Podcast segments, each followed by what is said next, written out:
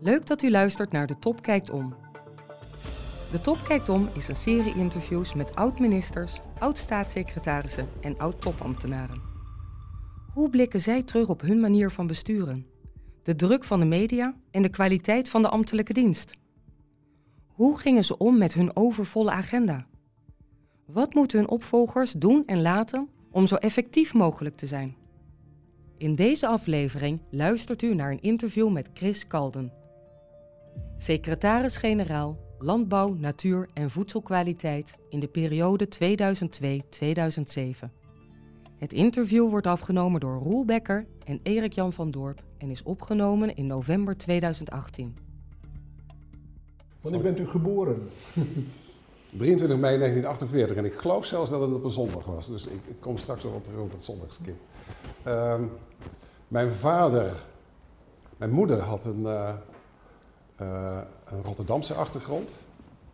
Eh, haar vader was actief in de SDAP, hij was lid van het gebroken geweertje, et cetera. Dus, en zij heeft nog gedanst rond de meiboom. Dus zij, laten we zeggen, de sociaal-democratie is langs die lijn binnengekomen. Mijn vader was werkzaam in het verzekeringsbedrijf, had een kantoorbaan in Utrecht bij de, een van de voorgangers van ASR, VVM, AMF, die hele cyclus.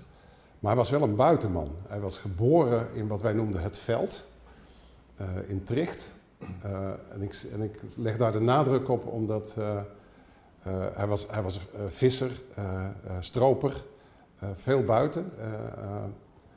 en ik ben ook later in het publieke domein terechtgekomen via de leefomgeving, de kwaliteit van onze leefomgeving, de natuurkant. Ik, ik kom daar nog wel op terug. Ik, ik, ben geboren in Culemborg, een klein stadje. Toen denk ik 15.000 inwoners of zo. Maar wel een stadje. 13, 18 stadsrechten. We bestaan dit jaar 700 jaar. Uh, ik heb net meegedaan aan, aan, een wedstrijd voor het mooiste Kuilenburgse woord. Uh, vanuit het dialect. Mijn, en mijn favoriet is slikky. En dat is de Kuilenburgse vertaling van snoepje. Uh, voor sticky. Slicky. Nee, nee, nee, heel, heel oud al. Uh, heb daar op de christelijke HBS gezeten. Uh, ik had geen christen... Ik, ik, ik, ben, ik ben niet religieus, maar er was maar één school in de buurt. En dat was de christelijke HBS. maar ik heb wel, denk ik, noem het, omdat ik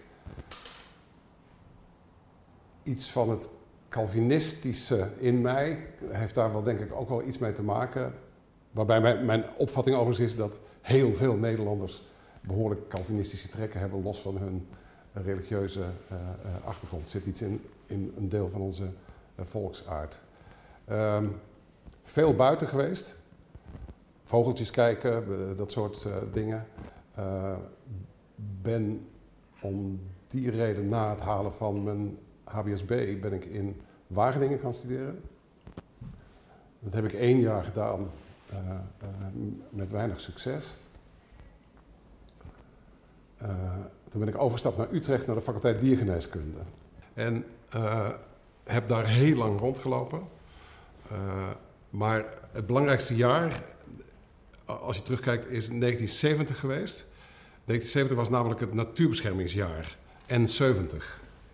Uh, dat was in de, in de bloeiperiode van, de, van, van Natuur en Milieu beweging. Dat was toen het begin, hè, uh, net na de Club van Rome en dat soort ja. uh, dingen.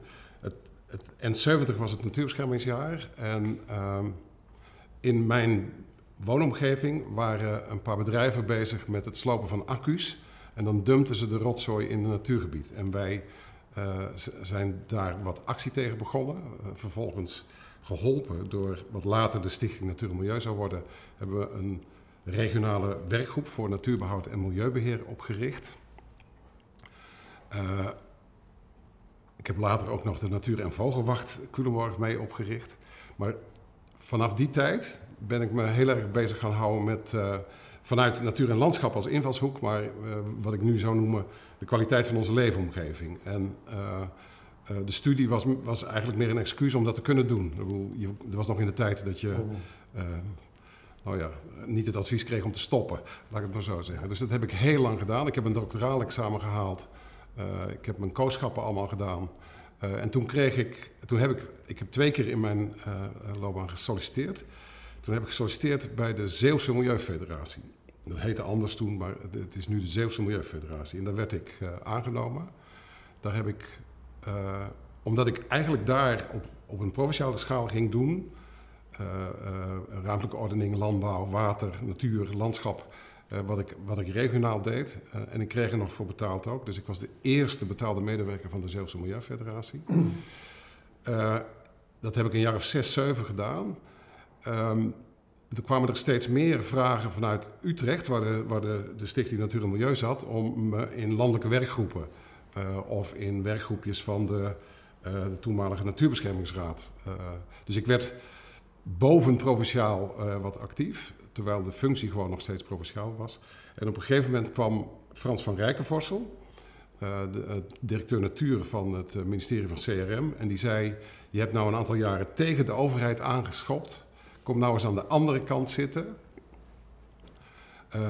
en ik heb, daar, ik heb de mooiste baan op dat terrein, die heb ik voor je. Dus, maar hij zei. Om geen gezeur met, met personeelszaken te krijgen, moet je wel een brief schrijven.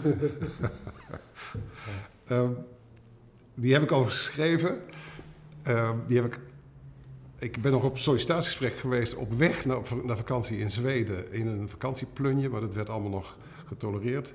En heel veel later vond ik in het dossier, toen Frans stopte, vond ik mijn sollicitatiebrief nog. En daar had hij opgeschreven, brief valt niet tegen. uh, dus zeg maar, dat was mijn, mijn binnenkomst als, als ambtenaar. Ja. Um, vanuit de kwaliteit van de leefomgeving in, de, uh, uh, in, de, in het publieke domein. Hè. Je bent, eigenlijk is de, de, heel veel, het schuift nu wat, hè, maar, maar de, de, de overheidsrol op allerlei niveaus als het gaat over onze leefomgeving is naar verhouding veel groter dan op sommige andere terreinen. Dus het is ook vrij logisch dat je dan daar terechtkomt. Uh, ik ben toen begonnen bij de directie uh, Natuur, als, dat heette toen sectorhoofd.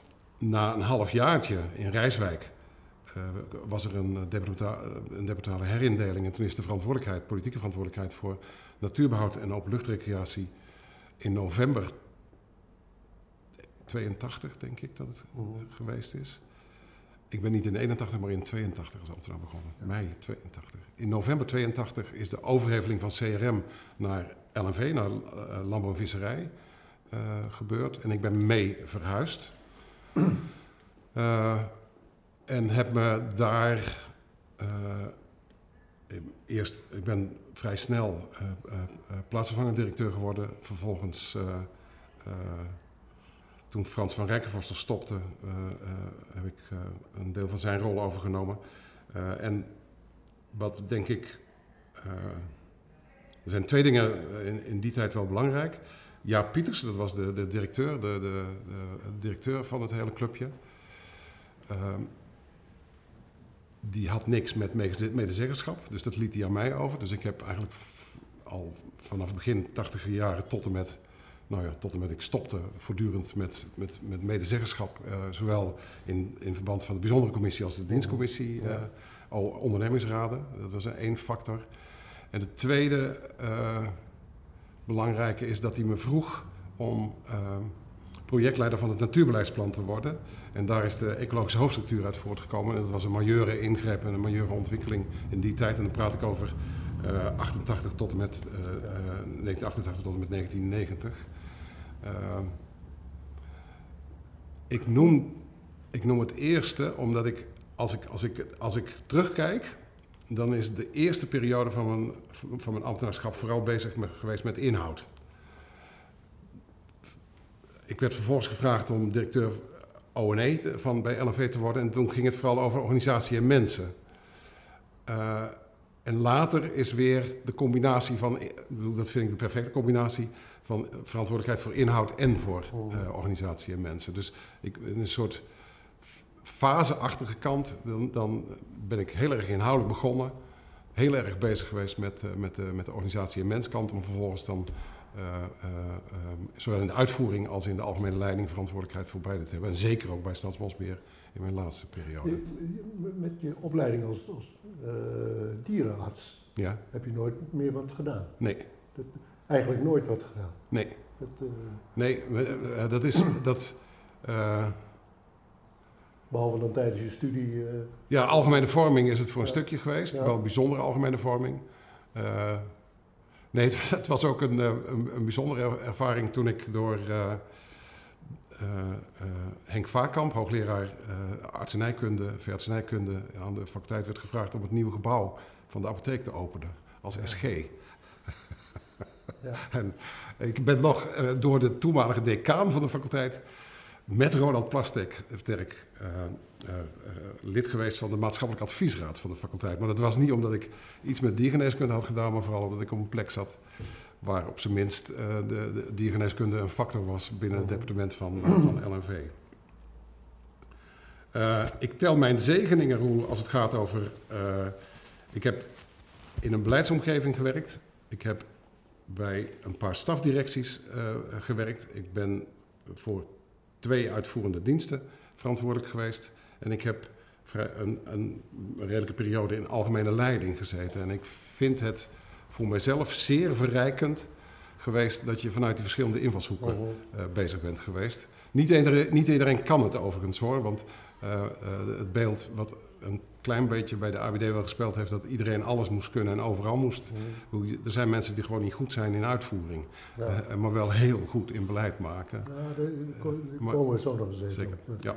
Die dienst is overgegaan van CRM naar, eh, naar, naar landbouw. Met Ja. daar onderdeel van het directoraat-generaal landinrichting, denk ik. Nee, er, even een bijzondere positie, omdat ze niet wisten wat ze ermee moesten. Ja, Want het was een, een, een plotseling, hè? het was een Ja. verrassing.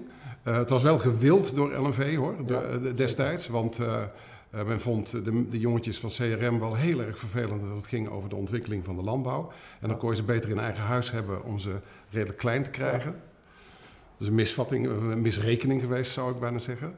Dus we werden even apart gezet, aangehangen aan Gerard van Dinter, de toenmalige SG van, van LNV, later van Justitie. Ehm, en toen is er een directoraat-generaal gemaakt en dat heette Landelijke Gebieden en Kwaliteitszorg. En daar was Jur van Zutphen eh, directeur-generaal. Ja. Inmiddels overleden. En daar waren wij een van de. Toen is de directie. ge- toen- het, was, het kwam binnen als de hoofddirectie eh, Natuurbehoud en Openluchtrecreatie. Die is in.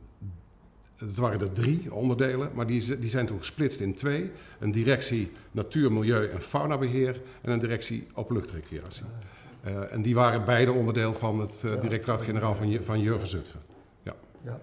Eh, dat heeft een golf van organisatieveranderingen en reorganisaties vooral Mhm. gegeven binnen het departement van LNV.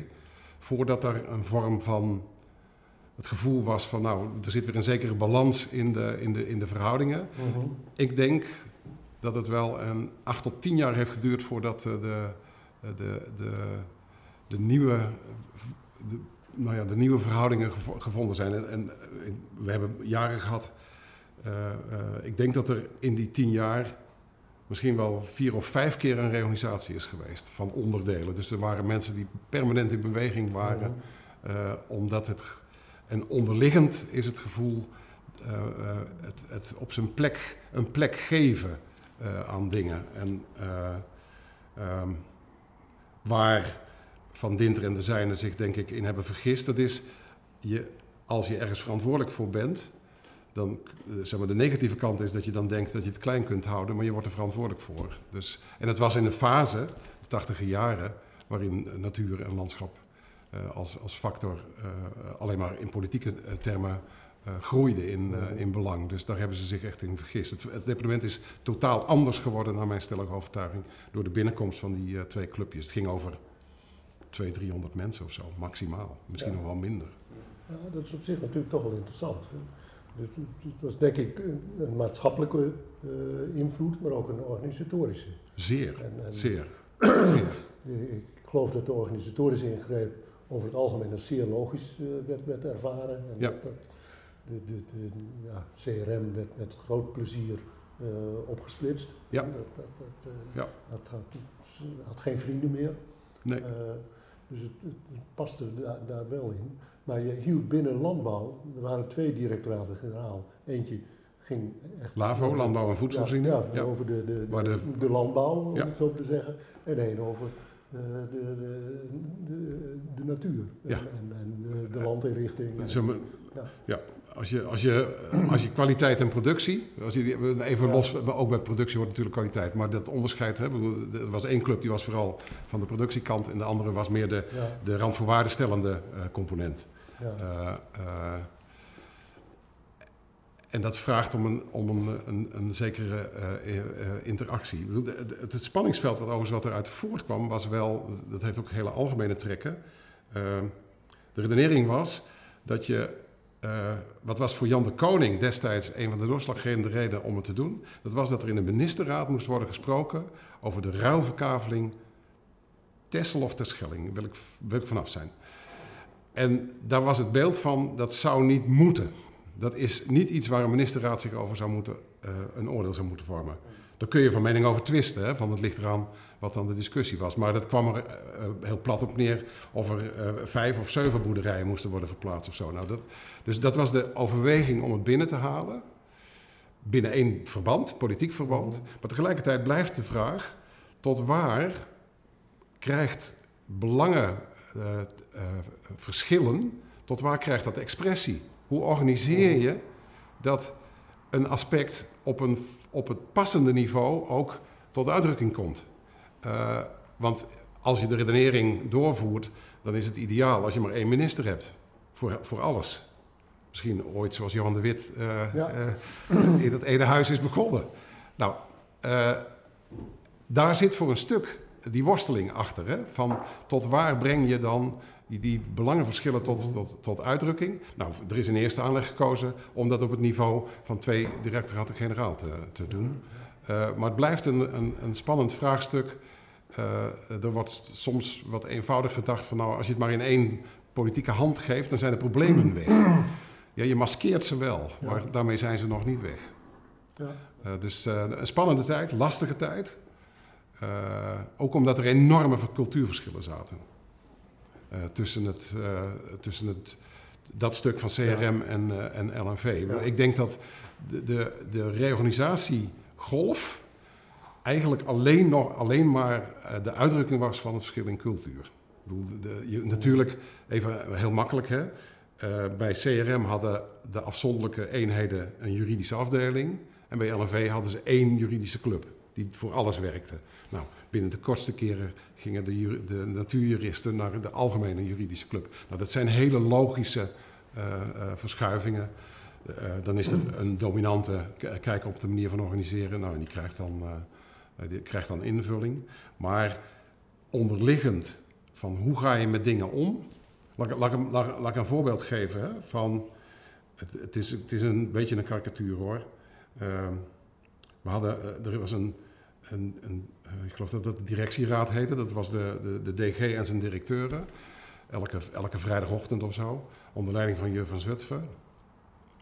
Eh, en in die beginperiode zat Van Rijkenvossen daar ook nog wel en die moest een keer naar het toilet. En toen kwam hij terug en toen hadden ze een besluit genomen waar hij het niet mee eens was. En toen was het, het, het eenvoudige argument, dan moet je maar niet gaan pissen. Ik gebruik dat als uitdrukking voor de, voor de, voor de manier waarop er eh, met elkaar werd omgegaan. Dus de dominante cultuur was wel de landbouwcultuur. Ja. De. En, de, en wat, nee, maar wat onderschat is, is de invloed van die ja. eh, eh, natuurcultuur, laat ik het maar even zo zeggen, op de rest van LNV. En die hebben we buitengewoon intensief benut in de latere fase. Ik ben zelf eh, eh, vanaf 91 of zo verantwoordelijk geworden voor de organisatieontwikkeling van het departement als directeur ONE, ONI eh, zou dat nu heten. De zwaluwtijd, hè, de, de, de beschouwing, de, de instelling van de bestuursraad, waardoor mijn Oh. project-DG-schap ook mogelijk werd later. Ik denk dat de aandacht aan cultuur en werkwijze, hoe altijd in de trits, hè, van, van, dus zo de dominante, het, het, is voor iedereen het makkelijkst om eh, veranderingen in structuurwijzigingen te vatten. Maar het is niet de essentie. De essentie zit hem veel meer in werkwijze en in cultuur. En ik ben ervan overtuigd dat de prikkels vanuit de discussies over eh, cultuur en werkwijze eh, de, de, de werkelijke grond waren voor de discussies die we in allerlei prachtige rapporten uit die tijd hebben neergelegd. Onder aanvoering van Tjibbe inmiddels. Ja, precies. Want je, Van Dinter was verdwenen naar justitie. Tjibbe was SG geworden. geworden. Die was al plaatsvervangend SG en directeur wetgeving. Ja. in die tijd en, jij was toen directeur O&E. Uh, ja. Organisatie en efficiëntie. Grappige. De E stond voor, voor, voor, voor de, voor de I-kant een beetje. Ja, precies. Maar, maar het, het was IT, IT en organisatieontwikkeling. Vooral uh, een beetje de benaming. yes. En, daarnaast bestond er de directie personeelszaken. Ja. ja. in die tijd zag je ook dat, dat, laten we zeggen, het maatschappelijke en politieke onbehagen over het ministerie uh, behoorlijk uh, groeide. Ja. Hoe, hoe, hoe, heb, hoe hebben jullie, waar, waar, kwam dat door? En, en hoe heb je daarop gereageerd in die, die periode? Ik bedoel, even, komt de voet en gaat te paard, hè? Ik bedoel, even je reputatie. maar ook in, in slechte zin, dat bouwt, dat bouwt langzaam op. dat had, denk ik, te maken vooral met de. Maar Jouke de Vries heeft daar buitengewoon interessante dingen over geschreven. dat had denk ik te maken met een vrij gesloten cultuur. Niet alleen binnen het departement, maar binnen de sector. De, de, de, de vooronderstelling dat er een één-op-één relatie was tussen met name de producerende kant, hè, visserij, landbouw en het departement. Hè. Ik bedoel, het departement als voorpost van de, de, de belangengroepen als LTO en, noem ze maar op. Eh, eh, ze heette toen nog anders. Eh, dat, ik denk dat er, dat er één was. er was een vrij strakke.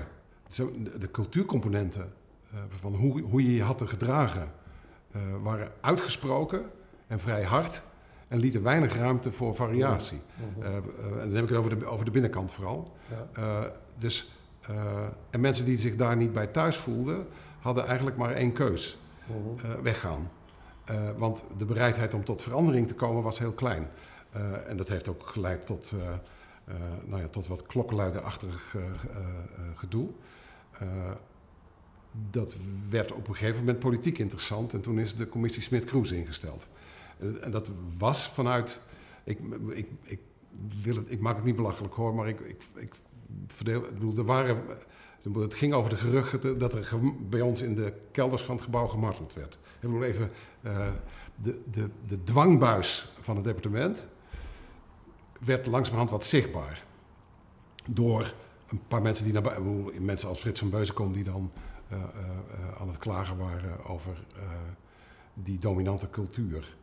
dat werd politiek interessant en toen is Smit Kroes, toen nog Smit Kroes, als commissie gekomen. En wie was toen minister? Was dat Brax? Bukman, Bukman. Bukman. Brax moest weg vanwege de visserijaffaire. Ja, en dat ook daar, ook dat, dat, die, die politieke. Zeker, zeker.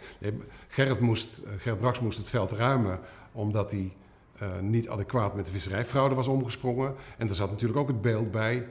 Uh, is het, was het nou Gerrit of was dat het departement? Hè? Bedoel, ja. uh, want hij, hij, was natuurlijk wel de, de enige politiek verantwoordelijke. Maar ehm, dat heeft ook zeker het, het, dat, dat sloot ook weer aan bij het bedekken, hè? De, de cultuur van het bedekken van de, van de, van de fouten, het, omdat, de, omdat de sector nu helemaal alle ruimte moest krijgen. Dus, de, dus dat heeft zeker een rol gespeeld bij het instellen daarvan. sterker nog, volgens mij is het, dan moet ik, maar dan zou ik aan geschiedvorsing moeten doen. het zou zomaar kunnen dat de, het moeten vertrekken van Gerrit mede aanleiding is geweest voor het instellen van de commissie. Maar dat, maar, maar dat weet ik niet zeker. Maar Piet Bukman was minister. Uh, uh, de commissie heeft toen uh, een, een. Maar het was een commissie van het ministerie. Nee, ja, ja, ja, ja, ja, ja, niet van de, van de Tweede niet Kamer of wat dan ook. Nee. nee. hij was partijpolitiek samengesteld. Ja. echt van, van, van alle stromingen de, de één erin. Hebben vervolgens een bureau ingehuurd wat allerlei achtergrondonderzoeken heeft gedaan en interviews deed. De commissie deed zijn eigen werk en er is daarnaast een, een, een imposant boekwerk gemaakt van, van de bevindingen door dat, door, door het onderzoeksbureau. Ik heb, ik, ik heb niet zo gek veel van, van, van Piet Bukman geleerd. maar wel één ding. En dat was toen het rapport verscheen van de commissie. Maarten Brabers was toen uh, plaatsvangend SG en een trekker van dat, van proces van, van, van verandering wat al wel liep. En wij hadden een lijst van tekortkomingen in het rapport van de commissie vrij indrukwekkende lijst van tekortkomingen. En Piet Bukman was in Brussel voor een landbouwraad. Dus wij togen met een vier, vijf mensen naar Brussel om hem uh, te zeggen van, dat hij daar echt uh, uh, moeilijk over moest doen. En toen, heeft, toen zei Piet, het spijt me zeer jongens, jullie hebben ongetwijfeld gelijk met je commentaar. Maar wat wij zeggen is, het is een fantastisch rapport, we, omarmen, we herkennen het, we omarmen het en we voeren het uit. Sterker nog, zei Piet, we voegen er één ding aan toe wat er nu niet in zit.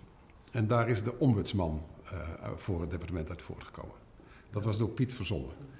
Uh, dus Piet heeft mij geleerd dat als je, uh, als je in zwaar weer zit en er wordt een extern oordeel gegeven, dan heeft het geen enkele zin om stukjes van het oordeel te, on, on, te ontkennen. -hmm. Maar aanvaard het nou en doe er dan vervolgens je voordeel mee. En dan kom ik bij jouw vraag van, hoe hebben jullie het dan gedaan?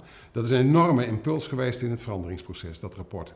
We hadden er ook belang bij om dat al zichtbaar te maken voordat het rapport verscheen. Dus in het, de doorlooptijd van zo'n commissie, nou laat hij zeggen negen maanden geweest of zo, maar in die tijd waren er al heel veel dingen uh, uh, in gang gezet om de discussie over hoe willen we nou zijn, wat willen we zijn, uh, hoe, hoe richten we dat in, die had al behoorlijk vorm gekregen. Het slotstuk in het hoofdstuk van de, van de onderzoekers van de commissie zegt ook van nou, er zijn veelbelovende signalen, maar eens even kijken wat het, of het wat wordt.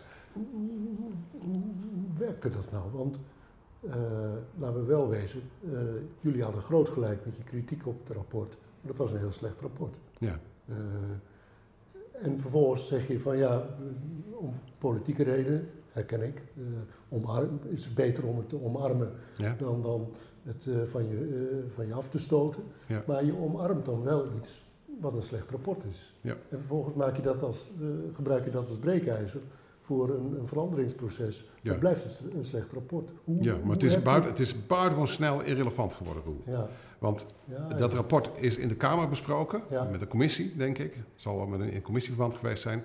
En toen dwong de Kamer af dat we bij begrotingsbehandeling, sorry, dat we in de, eh, bij de begroting verslag zouden doen van de invulling van de aanbevelingen van de commissie. Ja, ja, ja. Dat is één keer gebeurd. We hebben één keer het Ja. jaar daarna in de begroting een hoofdstukje gehad eh, eh, wat eh, letterlijk inging op het rapport. En daarna bestond het rapport niet meer. Eh, en dat kon alleen maar omdat we andere dingen die, die we beter passend vonden, wel gewoon deden. Dus er was ook geen noodzaak meer om het politiek in leven te houden. Ik vind sowieso hoor, een van de grotere opgaven.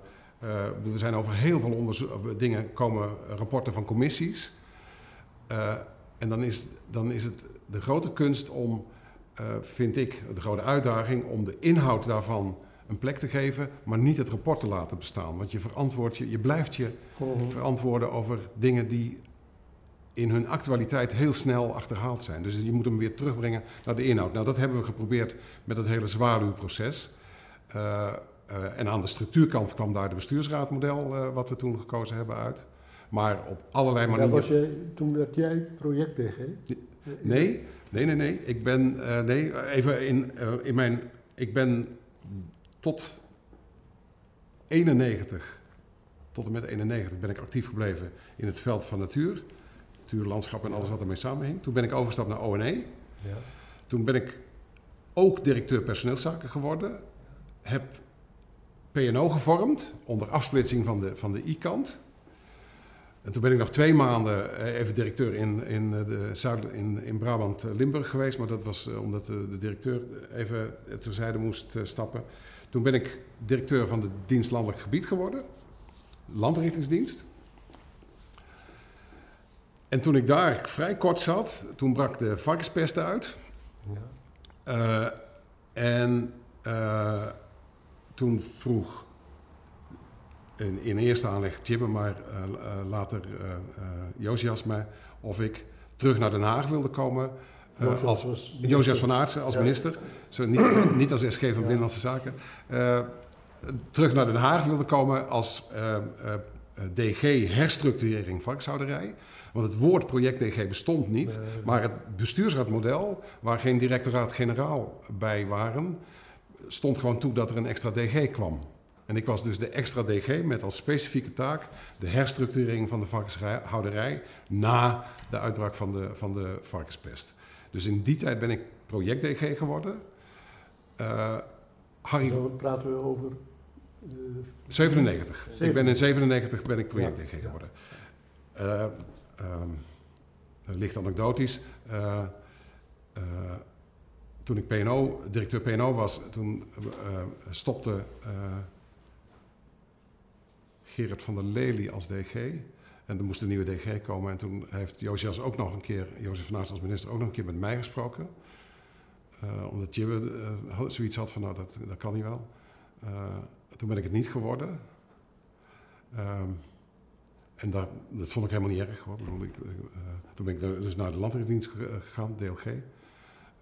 daar heeft op een groot feest, waar de nieuwe naam werd geïntroduceerd, heeft, mij, heeft Josias mij weer bezig gezien.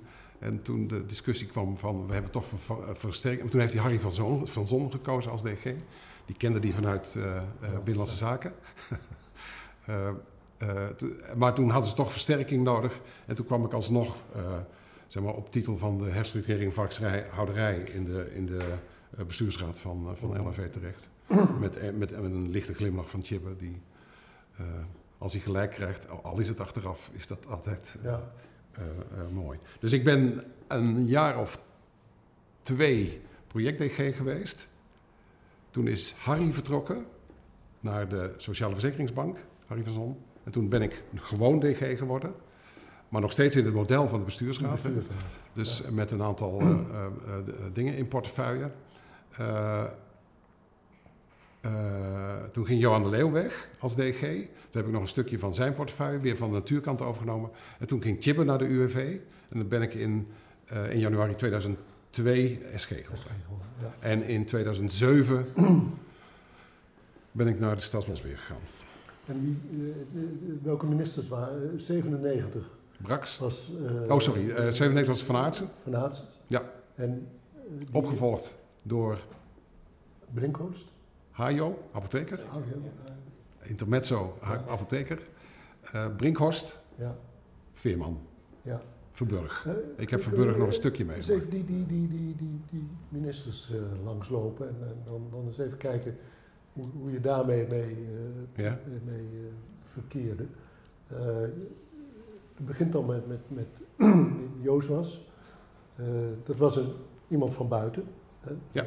daar neergezet omdat hij van buiten kwam. Ja. En, en, een echte Haagse jongen, dus geen ja. verstand van, van, van, van eh, boeren en, en, en eh, dat soort dingen. Eh, ja. Wat dan ook.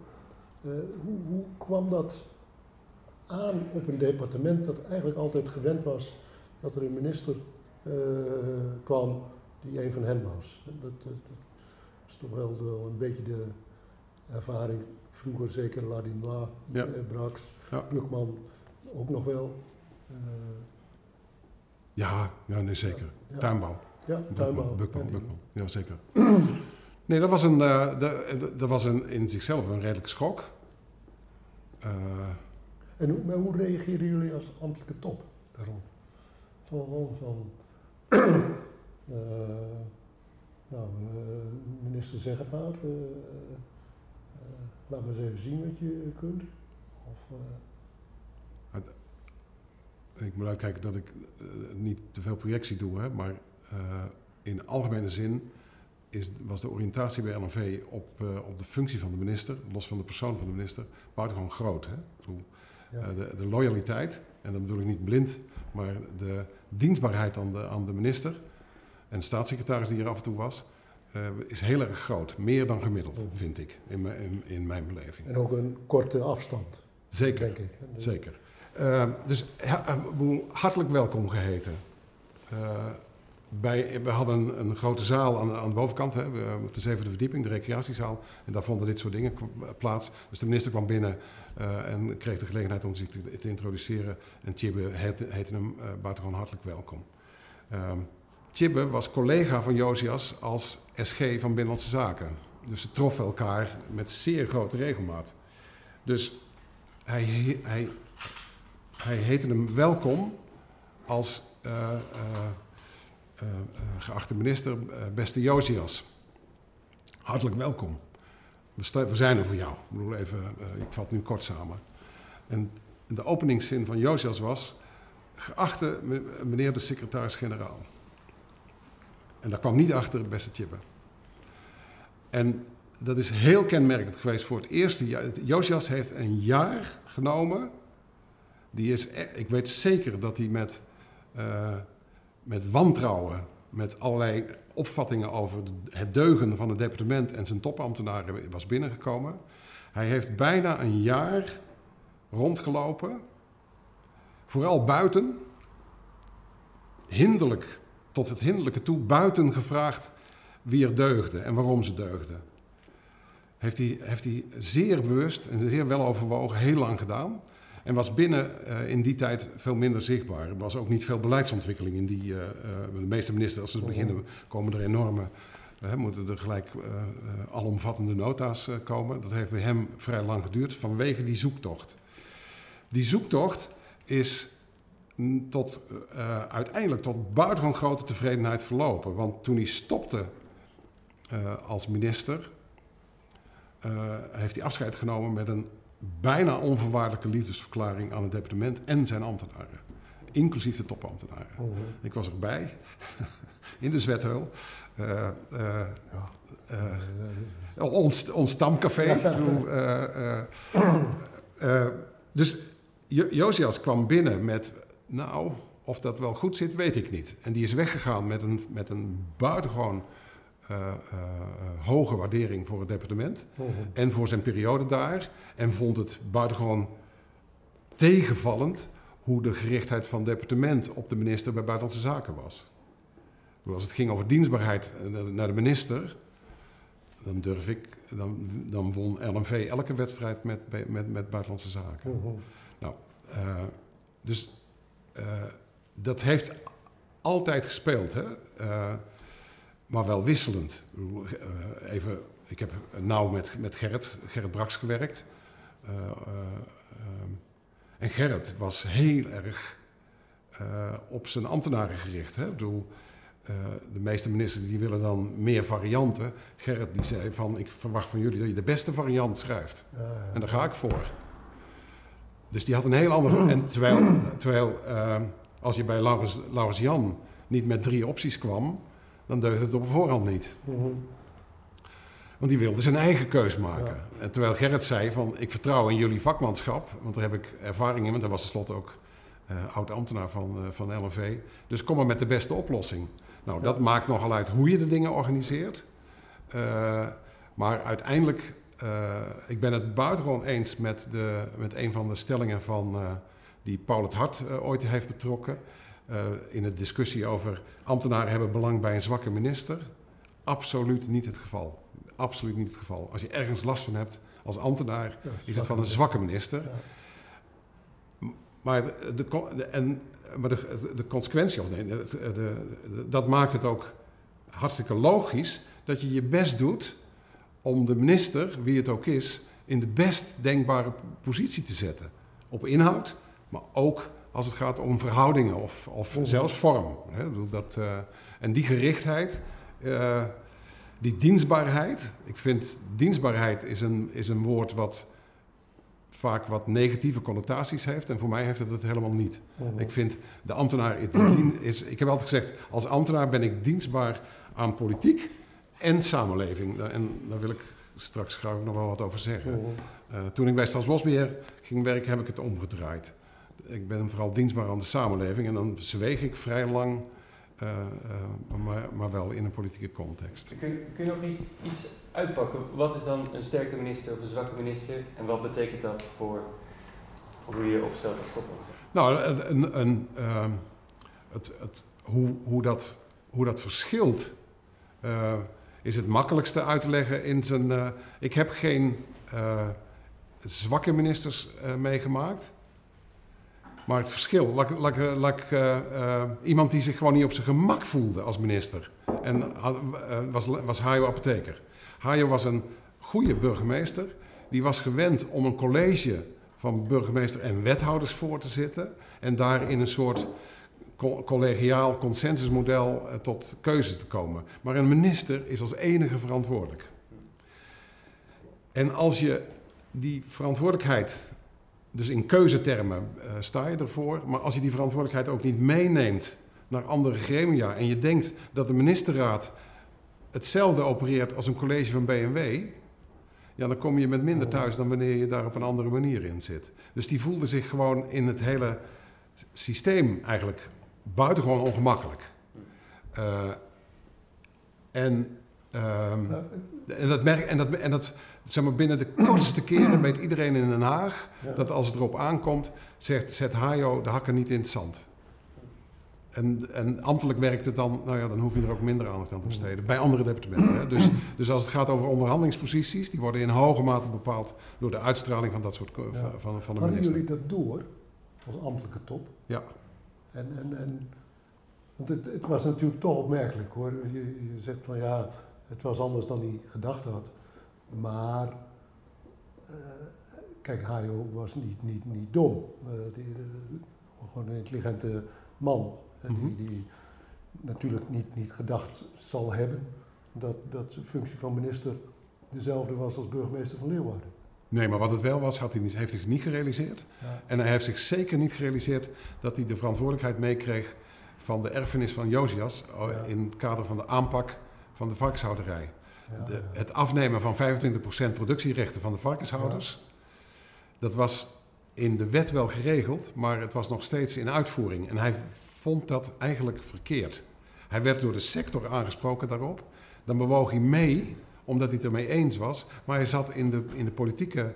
Uh, hij had of moeten eisen dat hij politieke ruimte kreeg. Of je moet aanvaarden dat je gewoon uitwerkt wat, wat er aan uh, afspraken, politieke afspraken liggen. Ja. En dat heeft hij niet gedaan. Dus hij is er naïef ingestapt, naar mijn stellige maar, overtuiging. Uh, nog toch weer even naar de vraag van, van ja, je, je ziet dat nou, een beetje aankomen. Het gaat meestal heel snel. Hè. De naam die viel natuurlijk, uh, hij stond niet op een, een lijst met voor de hand liggende nee. namen. D66, ja, die, die, moest ook nog een ministerschap en dan kwam dit ja. min of meer uit. Dus je hebt niet, niet, niet veel tijd om te anticiperen, maar niet. je hebt wel, uh, ja, je hebt nog een constituerend beraad. je hebt een, een, laten we zeggen, de eerste weken. Uh, en je weet als ambtelijke dienst van wat, hoe, hoe, de kwetsbaarheid is van, van de ministerspost, inclusief zo'n erfenis van uh, de, de, de, sanering van de varkenshouderij. Het is toch wel interessant om nader te verkennen van ja, hoe gaat dat dan? Uh, in, dit, in dit specifieke geval, Roel, even als, als, als, te, als tegenstelling, toen, toen ik SG was,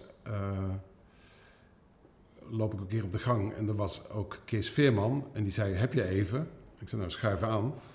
Uh, en toen zei hij, uh, ze zijn van plan om me te vragen om minister te worden. Dat was dus voor überhaupt constituerend enzovoort enzovoort.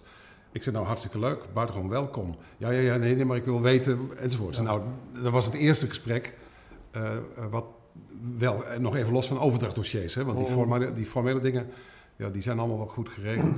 dus bij Kees heb ik persoonlijk dat gesprek wel kunnen voeren. Dat was 2002? Ja. ja. Met Gerda ook. Ja. Gerda Verburg. Want ik ben, toen zij in beeld kwam, ben ik bij haar thuis geweest. En hebben we een middag over nou, de pitfalls, hè, de kwetsbaarheden en de, de risico's uh, kunnen spreken. Ik weet niet of dat moment was dat ze. Nee, het was nog voor de, de, instel, de, de beëdiging. Dat, dat moet zo uh -huh. zijn. Bij Laurens Jan heb ik daar ook geen herinnering aan, maar die kwam binnen omdat, Joos, omdat Hajo zei: ik, uh, ik stop ermee. Ja. Dus dat was. Uh, want uh, Laurens Jan had nooit meer gedacht dat hij nog een keer voor zoiets in aanmerking zou komen. Dus, maar het was, hij was er zeer. Ik weet dat, maar bij het binnenkomen bij Hajo, dat zou je aan dat, dat weet ik niet. Ik, ik, ben, ik heb er zelf, ik denk dat ik er niet bij betrokken geweest ben. Want jij Eh, was, ik, was de, ik, was, ik was DG. Ja. Ja, nog even dan, dan de periode HAJO, dat heeft natuurlijk niet, niet vreselijk lang geduurd. Nee. Zagen jullie aankomen als, als ambtelijke top dat het misging? Ja. En, en, en- Sterker nog, sterker nog, Hajo, en dat ging, het ging mis op eh, hoe eigenlijk zijn grootste kennis en interesse zat bij de portefeuille die Geke Faber had. Hè? Want hij was, hij was sociaal geograaf, geloof ik, van huis uit, Hajo. Eh, maar hij had de landbouw eh, vooral in zijn portefeuille. Hij voelde eigenlijk, ten diepste was hij het niet eens met het beleid met betrekking tot, de, tot die sanering. En dan werd hij aangesproken door mensen als Wien van der Brink op, op dingen en dan bewoog hij mee. Dan wilde hij ook mee gaan bewegen. En, en de Tjibbe was toen SG en ik DG. Eh, toen hebben we hem tot twee of drie keer toe eh, wilde hij iets waarvan wij zeiden dat is politieke zelfmoord. Dat moet je niet willen. Ik bedoel, dan is, dat is gewoon, dan, dan, dan, als je minister wil blijven, moet je dit niet doen. Nou, dat hebben we tot. eh, toen zei hij, daar ben ik het mee eens, ik doe het niet. En een maand later kwam hetzelfde terug, hebben we het weer gezegd. En ik weet niet of het twee of drie keer is geweest dat we gezegd hebben. Toen hebben we op een gegeven moment eh, eh, gezegd van, als hij er nou weer mee komt, ja, je kunt niet blijven, eh, het argument verandert niet. En dan voer er gewoon uit wat hij wil. En dan is het zijn keuze Oh. om die politieke zelfmoord te plegen. En dus jouw rolbegrenzing van... Ja. de- Ja, die eerste twee keren, twee of drie keer vonden we het nog verantwoord om tegen hem te zeggen van je moet het niet willen. Met argumenten. Toen, toen hebben we redelijk op hem geleund. Maar hij zei dan, eh, je hebt gelijk, doe het niet. Nou, hij kwam daar steeds mee terug. En uiteindelijk heeft hij de conclusie getrokken, ik wil eigenlijk op deze manier die verantwoordelijkheid niet dragen. En toen is er een, eh, ik haal misschien Gerard van der Lely en, en Hajo door elkaar, maar ik denk dat ik een ontwerp van een brief van, van Hajo aan Wim Kok eh, daarover nog geredigeerd heb. En toen was hij zo blij als een kind, want toen viel het kabinet door Tom Oh. de Graaf zijn eh, gekozen burgemeester of zo. En dan hoefde hij niet weg, want dan, het kabinet was er niet meer. En ik geloof dat binnen, binnen twee, drie dagen werd er gelijmd. Met, ik weet niet meer precies eh, met welk eh, argument. Maar toen, en toen heeft hij zelf tegen Wim Kok gezegd, ik stop ermee. Ja, Tot groot ongenoegen van de heer Kok. Eh, en Waarom? toen, een tussentijdse minister die gewoon maar weg. Ja, dat, gewoon verstoring, had. eh, verstoring van de orde. Ja, die wil ik ook nog even meenemen, maar iets later, maar kan niet meteen wel. De, de minister-president, die heeft in Nederland niet de reputatie, welke minister-president dan ook, dat hij ook maar enige eh, interesse en bemoeienis met landbouw eh, had. Wat was dat, hoe was dat toen? Biesheuvel wel hoor. Hè? Biesheuvel wel. Biesheuvel wel, ja. Nee, dus ik... ik eh, ja. Die zal ook ik, niet ik, lang, eh, ik- ik- ik- ik was, minister-president ik, geweest. ik was vertegenwoordiger eh, van, eh, eh, van het departement in de Raad voor Noordzee-aangelegenheden. En daar was Biesheuvel voorzitter van. Ja. En eh, standaard was zijn, op, als ik wat wilde zeggen... Wat is de opvatting van de, de vertegenwoordiger van mijn geliefde departement daarover? Eh, dus dat was er één waar het wel Ja. voor gold. Voor de rest heb je gelijk. Ehm, Dus ook, ook hier was, was, was meer bij Kok zo van ik, ik, ik wil... eh, nee, niet inhoudelijk. Helemaal niet. Nee, Nee, nee, nee. nee, nee. Gewoon, ik heb een ploeg. Ja. En die ploeg draait. En dit is Ja. een teken van zwakte in de ploeg. Ja, ja Punt. precies. Nee, maar meer Ik niet. heb het niet goed samengesteld. Meer niet. Ook zijn Echt niet. Echt niet. Ja. Nee. Nee, nee, nee, nee, nee. Er zat verder niks achter. Nee, nee. Ik bedoel, er zat niet zoiets is van... goh, dat, eh, ik ben het zo buitengewoon hartelijk eens met, eh, met de lijn van de sanering van de varkenshouderij. Nee, nee, helemaal niet. Helemaal niet. Helemaal niet. En, en toen kwam eh, Brinkhorst, Rinkhorst, wat yes. natuurlijk een heel ander type was. Je, je had Van Aartsen al gehad Ja. als, als iemand uit een hele andere hoek. Ja. Maar Brinkhorst is dat nog weer in het kwadraat. Ja. Die, die ook politiek Vanuit de, wel diezelfde zwakke positie die D66 natuurlijk eh, had. eh, dat, Ja. Zeker in, in Nou, wat, wat, wat, wat Laus Jan vooral ook binnenbracht was een buitengewoon kritische geest. Ja. Hij is ongelooflijk scherp. In het, en hij, hij deed vanaf het begin werkbezoeken en, en slaagde er iedere keer weer in bij, bij directies om een geweldig enthousiasme door zijn, door zijn eagerness, door zijn vraagstelling. En het leidde er alleen al ook toe dat hij onnoemelijk veel opdrachtjes achterliet. voor- eh, anekdotisch, eh, hij, hij had van die gele plakkertjes waar dan een stempel van zijn, eh, van zijn naam en functie op stond, geloof ik. En hij plakte op elk stuk wat binnenkwam vragen. Ook als ze niks op, op LNV betrekking hadden. En dan ging dat de, de, de, de, lijn in en dan kwam er op een gegeven moment een keer een actie, een, een antwoord op zo'n vraag. En ik heb hem later bij het afscheid van Hanneke Heuker, het dinertje wat we hadden, onze oude directeur juridische zaken, wel bekend dat ik een deel, als SG, een deel van die geldjes er gewoon afhaalde. Want de belasting van het apparaat, vanuit zijn nieuwsgierigheid. Dat is, dat is zijn eerste sterke punt. Zijn tweede sterke punt was dat hij heel erg de mondiale component inbracht. Mm. dus het, het, het, de, uh, uh, uh, het denken in wat, wat, wat wij doen, hoe doet dat er in een veel bredere verband toe? Uh, uh, het uh, veel meer vermaatschappelijke van de, van de, van de, de, de sectoren. Dat heeft Laurens Jan zijn enthousiasme, zijn betrokkenheid.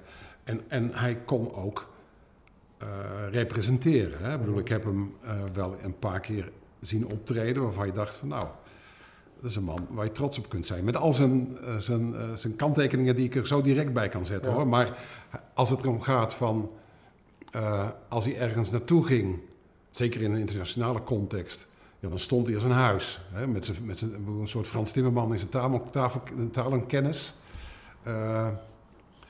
Dus het was, het was iemand waar, ondanks zijn, zijn bijzondere opvattingen over, over sommige onderdelen hij heeft nog eens een keer de varkenshouderij vergeleken met chemische fabrieken. Uh, wat niet in dank uh, werd afgenomen. Uh, was het wel iemand waar waardering voor de voeren is ook. Waar, waar waardering voor bestond. Ja. ja. De, als het gaat over de, de vanzelfsprekendheid van de, van de betrokkenheid, ja, dan zit hij natuurlijk veel meer bij Kees Veerman dan bij, bij Van Aartsen of Brinkhorst. want Kees kwam tenslotte helemaal uit die, ja, die was uit die hoek. Ja, weliswaar een, akker, weliswaar een akkerbouwer. Dat is toch weer een ander slag dan veehouders. Maar. Ja. En nog, nog even over, over Brinkhorst. Dat, uh, wat, wat, dat was na apotheker. natuurlijk ja, toch een... Hoe werd dat ervaren? als een... van, wij, wij krijgen weer iemand in huis die effectief is. Of, of ja, was het solide? Het want, want, het was natuurlijk wel weer ook een vreemde, hoogleraar Europees recht en, en ja. uh, de, de hogere sferen. Ja, maar misschien waren we daar, na Josias en Hayo, al wel een klein beetje aan gewend. Dat je niet meer de, ja, de, klassieke, de traditionele ja. minister van, van LNV zou krijgen. Dus ik geloof niet dat dat. Nee, ik denk eerder dat er een, toch een vorm van opluchting was. Dat, omdat Hayo gewoon niet op zijn gemak was. Uh, dat er iemand kwam die wel heel duidelijk op zijn gemak was. Ja, dat, uh, ja en ook, ook uit, toch, toch een wat, ja, iets hoger ja.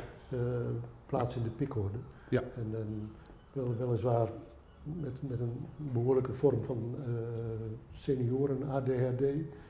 maar, maar, ja, heeft hij, hij, is, hij is nog eens een keer tijdens zijn ministerschap een berg gaan beklimmen, bergwandelingen gaan doen ja. in Nepal en, of, of Noord-India. En daar heeft hij bijna het leven gelaten. Ja. Omdat hij dacht dat het allemaal nog wel kon. Ja. En, uh, en zijn echtgenote in verbijstering beneden achterlaten. Ja. bijna. Hoe, hoe, hoe, was nou zijn effectiviteit uh, in, in uh, enerzijds de ministerraad en anderzijds in de onderhandelingen met de sector? Want een van de kenmerken van, van Brinkhorst is natuurlijk ook wel dat, dat het, is niet een echte uh, tweezijdige communicator. Uh, het, is een, nee. Uh, het, het, is iemand met. Hij, was, hij werd hoogleraar toen ik studeerde. Hij was de jongste hoogleraar ja. die ooit in de rechtenfaculteit was benoemd. Ja. Um, hij had wel een beetje die stijl. Ja. Studenten gaan zitten en schrijf en ik vertel hoe het zit. Nee, wat, wat, meestal niet de beste nee. attitude is in de en niet, en niet alleen als senior had hij een lichte vorm van ADHD, ook de, eerder daar, even ja. een buitengewoon aardige anekdote. Hij werd statenlid in Groningen voor D66, hij was toen heel jong, ja. werkte aan de universiteit. En bij zijn allereerste vergadering, en ik weet niet wie er toen commissaris was, maar toen nam hij het woord en vroeg aan de commissaris of er ook geïnterrumpeerd mocht worden in de Staten. En toen heeft de commissaris gezegd, wel zeker, meneer Brinkhorst, maar dan moet er eerst iets gezegd zijn. en dat vond ik de, ultieme, de ultieme verwoording van, van Laurens Jan. Ja, ja, ja. En dat was zijn kracht en zijn zwakte. Dus als het erom gaat uh, uh, normatieve opvattingen over het voetlicht brengen, uh, die, maar het, het, het, het luisterende het, het, samenbindende, dat heeft hij gewoon veel minder. Ja. En, en, hoe, want juist dat laatste moest natuurlijk, dat is ja. uitstek iets wat in die eh, bij, bij het ministerie van Landbouw een belangrijke rol speelt. Ja. Je, je zit, zit, heel dicht op de sector Deze, en het is een permanente dialoog en niet een permanente monoloog. Uh, ja, nou, en een mooi voorbeeld, de, de, de, zijn opvattingen over de productschappen als, als restanten van het God, ik ben die mooie kreet altijd kwijt, maar goed. PBO. Nee, nee, nee, maar van een, van een periode waarin we dat soort dingetjes organiseerden. De vijftiger jaren. Dat, daar had hij een mooie kreet voor. Hij vond het dus niks.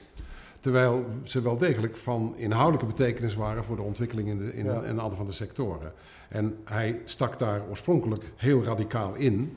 En dan, en dan, ja, dan ontstaat er toch een, een, uh, een lichte vorm van een mediation rol voor de, voor de ambtelijke top. Ja.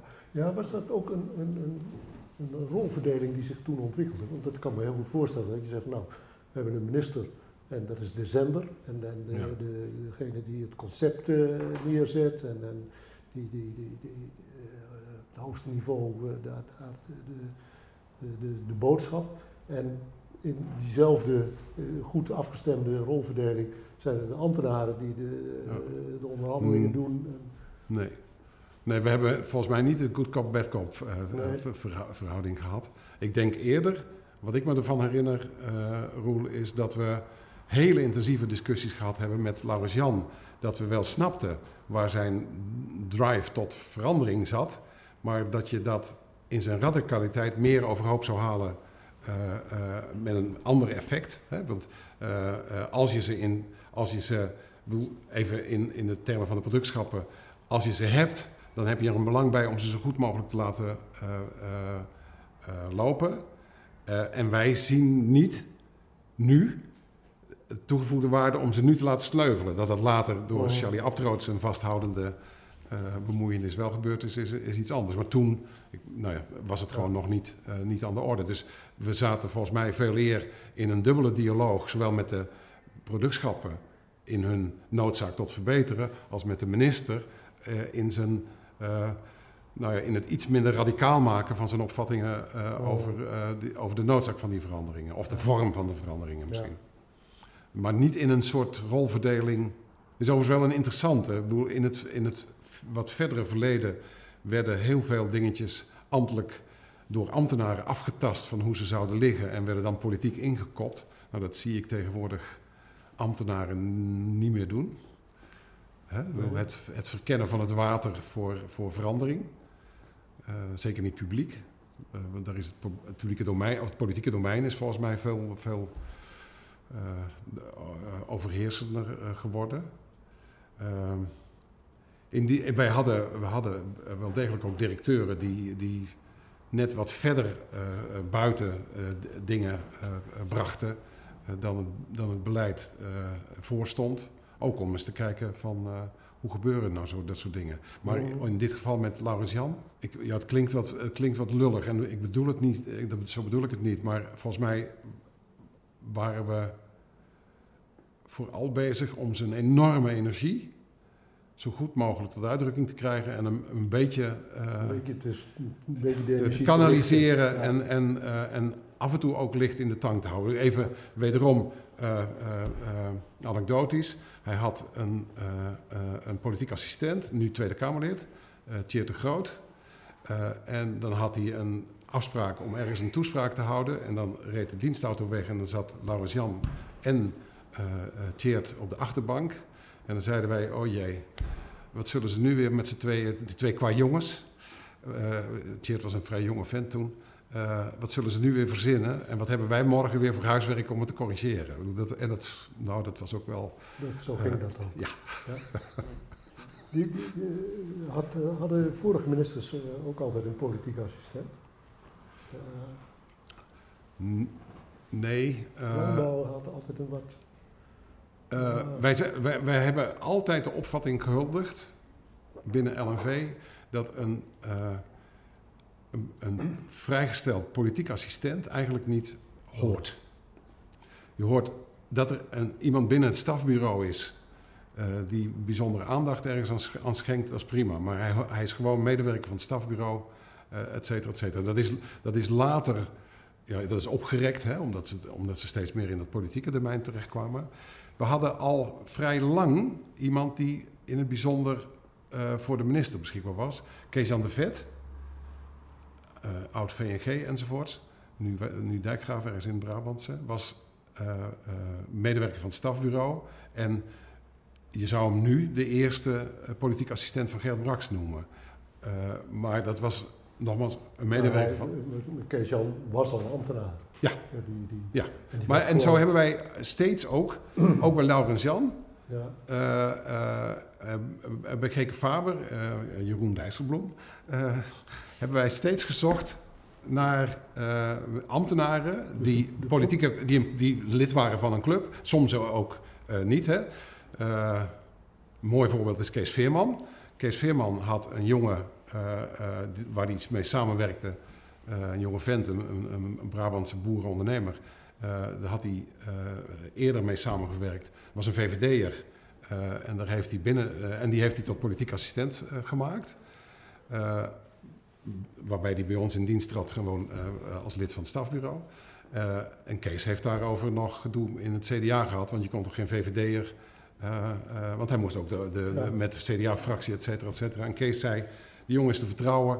En als ik hem vertrouw, moeten jullie hem ook maar vertrouwen. Ja. Dus, de, de, de, vorige politieke assistenten voor, voor Veerman, dat waren allemaal landbouambtenaren. Ja. Met een, met een politieke affiliatie. Precies, die, die, die, Tjeerd was lid van D66 en uh, Jeroen was lid van de PvdA. Ja. En, nou, ja.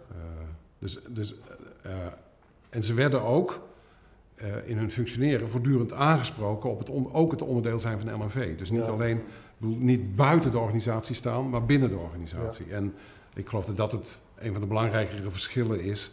Dat het tegenwoordig eerder zo is dat een politiek assistent eigenlijk uh, misschien wel in dienst is, maar buiten de, uh, buiten de normale organisatie uh, staat. Ja, Bij ons namens gewoon. Steeds meer. Ja, dat ja. groeit zelfs. Ja. Dat, nee, maar dus bij ons waren ze gewoon medewerker van een onderdeel van het stafbureau. Ja. En deden ook echt mee aan de rest. Ja. In het recente boek van Paul, Paul het Hart en Wim Kuiken, ja, wel bekend natuurlijk, daar gaat het natuurlijk ook over verhouding tussen ambtelijk top en politiek assistent. Die relatie was niet altijd eenvoudig of nee. helder. Hoe, hoe ging dat bij LNV? Nou, in de eerste plaats omdat het mensen waren die je kende vanuit LNV. Ik bedoel, maakt het, maakt het gesprek al wat makkelijker. Hè? Ik, zit, ik zit even terug te halen. We hebben, we hebben een, een, lastige, een lastig akkefietje gehad met Jeroen als politiek assistent van Geke Faber, waarin hij, nou, laten we zeggen, voor haar koos, terwijl er meer aan de, aan de hand... En, dan zit je inderdaad in die, in die, in die nou ja, dubbele loyaliteit. Uh, uh, uh, het is niet helemaal hetzelfde hoor, maar ik vind meervoudige verantwoordelijkheid of meervoudige loyaliteit in zichzelf niet zo'n probleem. Als je, als je de loyaliteit aan de minister, als dat zou uitsluiten dat je loyaal bent aan de Nederlandse samenleving, hè, even in abstractie. Dus op die, dat niveau is bijna, is bijna iedereen bezig met, met gedeelde verantwoordelijkheden. En, het, en uh, mijn, mijn, uh, mijn belangrijkste les zou zijn dat als je, dat, dat hoeft geen probleem te zijn als je het er maar over hebt. Uh, de meeste problemen ontstaan omdat ze niet worden besproken. Of omdat er niet over de onderliggende uh, oorzaken wordt gesproken, maar over het zichtbare bovenstuk. Hè? Bedoel, ja, of dat er aan de, het ene gesproken wordt en het andere gedaan. Precies. Dat, uh... dus het voeren van, een, van het goede gesprek erover. Ja. Op het moment dat je dat niet meer kunt, dan, heb je, dan is iets onhandelbaar. Dat hoeft nog niet te betekenen dat wanneer er verschil van opvatting is, dat zeg maar als de, de de, de loyaliteitsvraag hè, in die termen vanuit, de, vanuit de, de, de, minister of staatssecretaris waar je politiek assistent van bent, als die op enig moment uh, uh, boven iets anders gaat, als het maar niet ongekend en niet on, uh, ongewis is. Um, ik denk ook dat elke topambtenaar aanvaardt dat die andere oriëntatie er ook is van zo'n assistent. heb je politieke oriëntatie. Ja. ja. Heb, je, heb je dat zelf wel eens meegemaakt, dat, dat soort loyaliteitsdilemma's? Want dat, dat, dat speelt, we hebben het nu over die politieke assistent. Ach, dat, daarvan zeggen we, nou ja, dat, dat, dat, stelt toch allemaal niet zoveel voor. Uh, maar uh, voor de ambtelijke top geldt natuurlijk ook die, dat loyaliteitsdilemma. Hè? De, de, minister verwacht 100% loyaliteit van zijn ambtelijke top. Ja. Ambtelijke top heeft uh, ook nog zo zijn eigen opvattingen, inhoudelijke opvattingen, maar ook nou, zeggen, ideële opvattingen. heb, je, heb je wel eens gevallen meegemaakt of situaties meegemaakt waarin dat, dat problemen gaf? eigen opvattingen is niks mis mee, maar als ze ideologisch worden, waardoor ze andere opvattingen uitsluiten als ambtenaar, dan vind ik echt dat je op het verkeerde. Uh, uh, dan, dan, zit je op de verkeerde plek. Moet je gewoon weg. Als ambtenaar? Ja. ja. ja nee, dan moet je minister worden. Ja. kan het schelen wat. Ja, maar niet. Zodra. Dus zeg maar, opvattingen hebben. Beredeneerde opvattingen, doet ertoe. Maar op het moment dat je ze. Uh, nou ja, dogmatisch dogma's leiden tot oorlogen, ideologieën leiden tot dogma's en, en, enzovoort. Mm Dus zodra je in die hoek zit, gaat het verkeerd.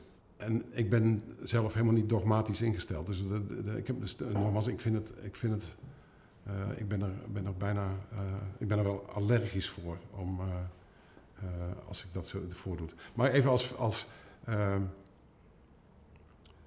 ik vind wel een, misschien is het wel een illustratie. toen Josias besloot tot de ingreep bij de varkenshouderij, waren er een aantal ambtenaren in het departement, tot, tot, en met de directeur landbouw toe, die zeiden: Ik vind dat verkeerd. Dat, dat zou je niet moeten. He, dus dat is een moreel mhm. oordeel. En als je dat morele oordeel ten diepste voelt, dan heb je uh, als persoon eigenlijk wederom twee, twee keuzen. Of je, je zet ze terzijde en je doet gewoon uh, wat hoort, of je gaat weg. Uh. -huh. En er is nog een tussenweg, en dat is eh, eh, die hebben we ook een paar keer bewandeld. En dat je zegt van oké, eh, onder de algemene verantwoordelijkheid van deze minister wil ik wel werken, maar dat dossier niet. Dus ik ga iets anders doen. Binnen het departement. Hebben, als, je, als je 7000 mensen in je club hebt, dan is er altijd wel ergens ruimte voor iemand die, ja. die gewetensbezwaren heeft. Hè? Maar dat is een tussenoplossing, maar het is eigenlijk een variant van weggaan. Even, dus ik vind dat er weinig, als het in loyaliteitstermen gaat, op het moment dat, iets, dat, dat, dat je eigen opvattingen oppositie worden, in plaats van het scherpen van de, van de keuze van de minister, ja, dan vind ik het verkeerd. En, en dat heb ik zelf niet meegemaakt. Ik heb mij ook bij de ministers waar ik als DG of SG mee, mee samengewerkt, no, in die termen ook nooit onveilig gevoeld. Ik, bedoel, ik, ik ken oud-collega's die die een boekje hadden waarin ze bijhielden wat ze gewisseld hadden met de minister. En daar kon ik me gewoon echt niks bij voor. Ja, ik kan natuurlijk, rationeel kan ik me er van alles bij voorstellen, maar ik zou, ik kon me niet voorstellen dat je zo kon werken. Dat je effectief kunt zijn. Achteraf te kunnen verantwoorden. Ja. ja. Gewoon, want als je het vervolgens deed wat zij zeiden en het viel verkeerd, dan kreeg je terug van wat heb je nou weer verzonnen? En oh. dan was de, eh, ik zie hem nog zo voor me. Ik heb een heel concreet voorbeeld bij. En dan, zei, dan ging hij terug met zijn boekje en ze hebben toen en toen en toen heb je een bijzijn van die en die en die, dat en dat en dat gezegd. Nou, uh, gruwel. Gruwel. Dat Als je gebeurde, zo... gebeurde dat binnen landbouw? Nee. nee. nee. In dit geval was het defensie. Ja, ja maar ik, ik, ken, ik ken twee departementen waar dit vrij normaal is. Ja, maar ik vind dat absoluut niet normaal. Nee. Het mag niet normaal zijn. Nee. Als het erom gaat van wat hoort nou bij ambtenaarschap en wat hoort bij de interactie tussen ambtenaarschap en politiek verantwoordelijke, dan is daar dat gevoel van veiligheid hoort daarbij. de, de, de afgelopen jaren zit ik op, op een te grote afstand, maar bij het maken van een van de ROB-adviezen uh, heb ik van op, op, op DG-niveau toch wel van een paar mensen te horen gekregen dat zij niet meer alles zeggen wat ze vinden, omdat, ze, omdat dat politiek onwelgevallig is. Dus ze zijn selectief in hun communicatie met de minister. Zelfs op het DG-niveau. Yes.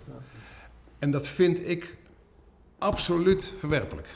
Ik, ik, verwijt het de persoon niet, hè? want de condities waaronder zoiets gebeuren. Het is een beetje, je kunt heel erg makkelijk lullen over burgemeester in oorlogstijd, totdat je het zelf uh, uh, in zo'n conditie, uh, in zo'n omstandigheid wordt geplaatst. Hè? Maar ik vind het echt onbestaanbaar dat je in je advisering aan de minister selectief zou moeten zijn vanwege het politiek goedvallen. Hè? Want, of dingen zeggen die misschien wel op gespannen voet staan met een regeerakkoord. Als je het daar niet meer over mag hebben.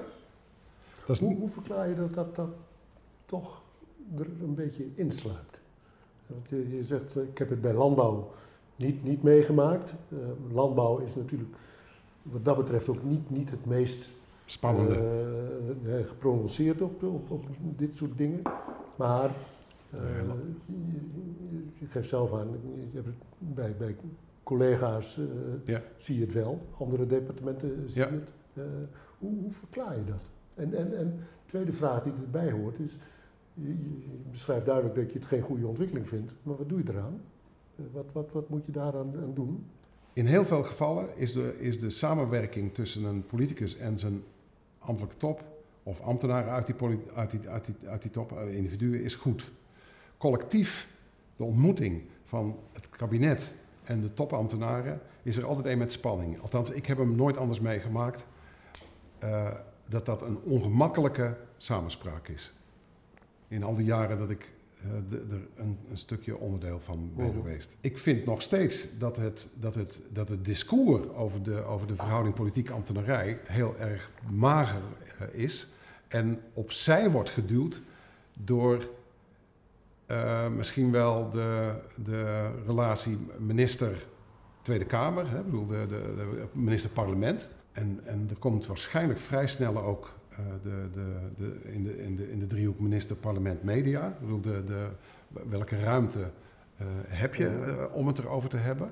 Ook omdat zoveel uh, persoonlijk wordt gemaakt. Hè? Ik bedoel, uh, de ruimte voor vergissingen in, de, in het politieke domein, die, die is er bijna uitgeperst. Hè? Ik bedoel, ja. Ze moeten je al heel erg aardig vinden in de Tweede Kamer. Wil je nog een vergissing kunnen maken? En dat wordt je ook vanaf het begin verteld? Kees Veerman, overigens, was zo aardig, werd zo aardig gevonden dat hij af en toe een vergissing kon maken. Maar dat, die ruimte is heel erg klein. Uh, omdat klaarblijkelijk een van de uitingen, een van de meest effectieve uitingen uh, uh, in, in, ons, in ons parlementaire opereren, is dat je het een minister of staatssecretaris moeilijk weet te maken.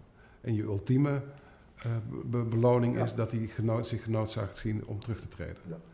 En dat is een hele andere maat dan wat heeft hij voor elkaar gekregen uh, uh, in de samenleving aan gewenste veranderingen. Dus de, ik vind dat het maatgevoel verscho verschoven is zodanig dat, dat, dat alle energie gaat zitten in het op orde houden van, dat, van, de, van die smalle uitsneden van de ministeriële, uh, ministeriële rol. Want ik vind, de, natuurlijk is dat een, een, een heel belangrijk onderdeel, maar de, de samenspraak minister-parlement eh, is een stuk van het opereren. Uh-huh. De, de, de samenspraak van de minister met de samenleving. Uh, uh, nou, ik zal hem niet van gelijke orde verklaren, maar ik vind ja. hem e-, enorm belangrijk. Uh, dus, en ik denk dat, dat er dus door die, door die,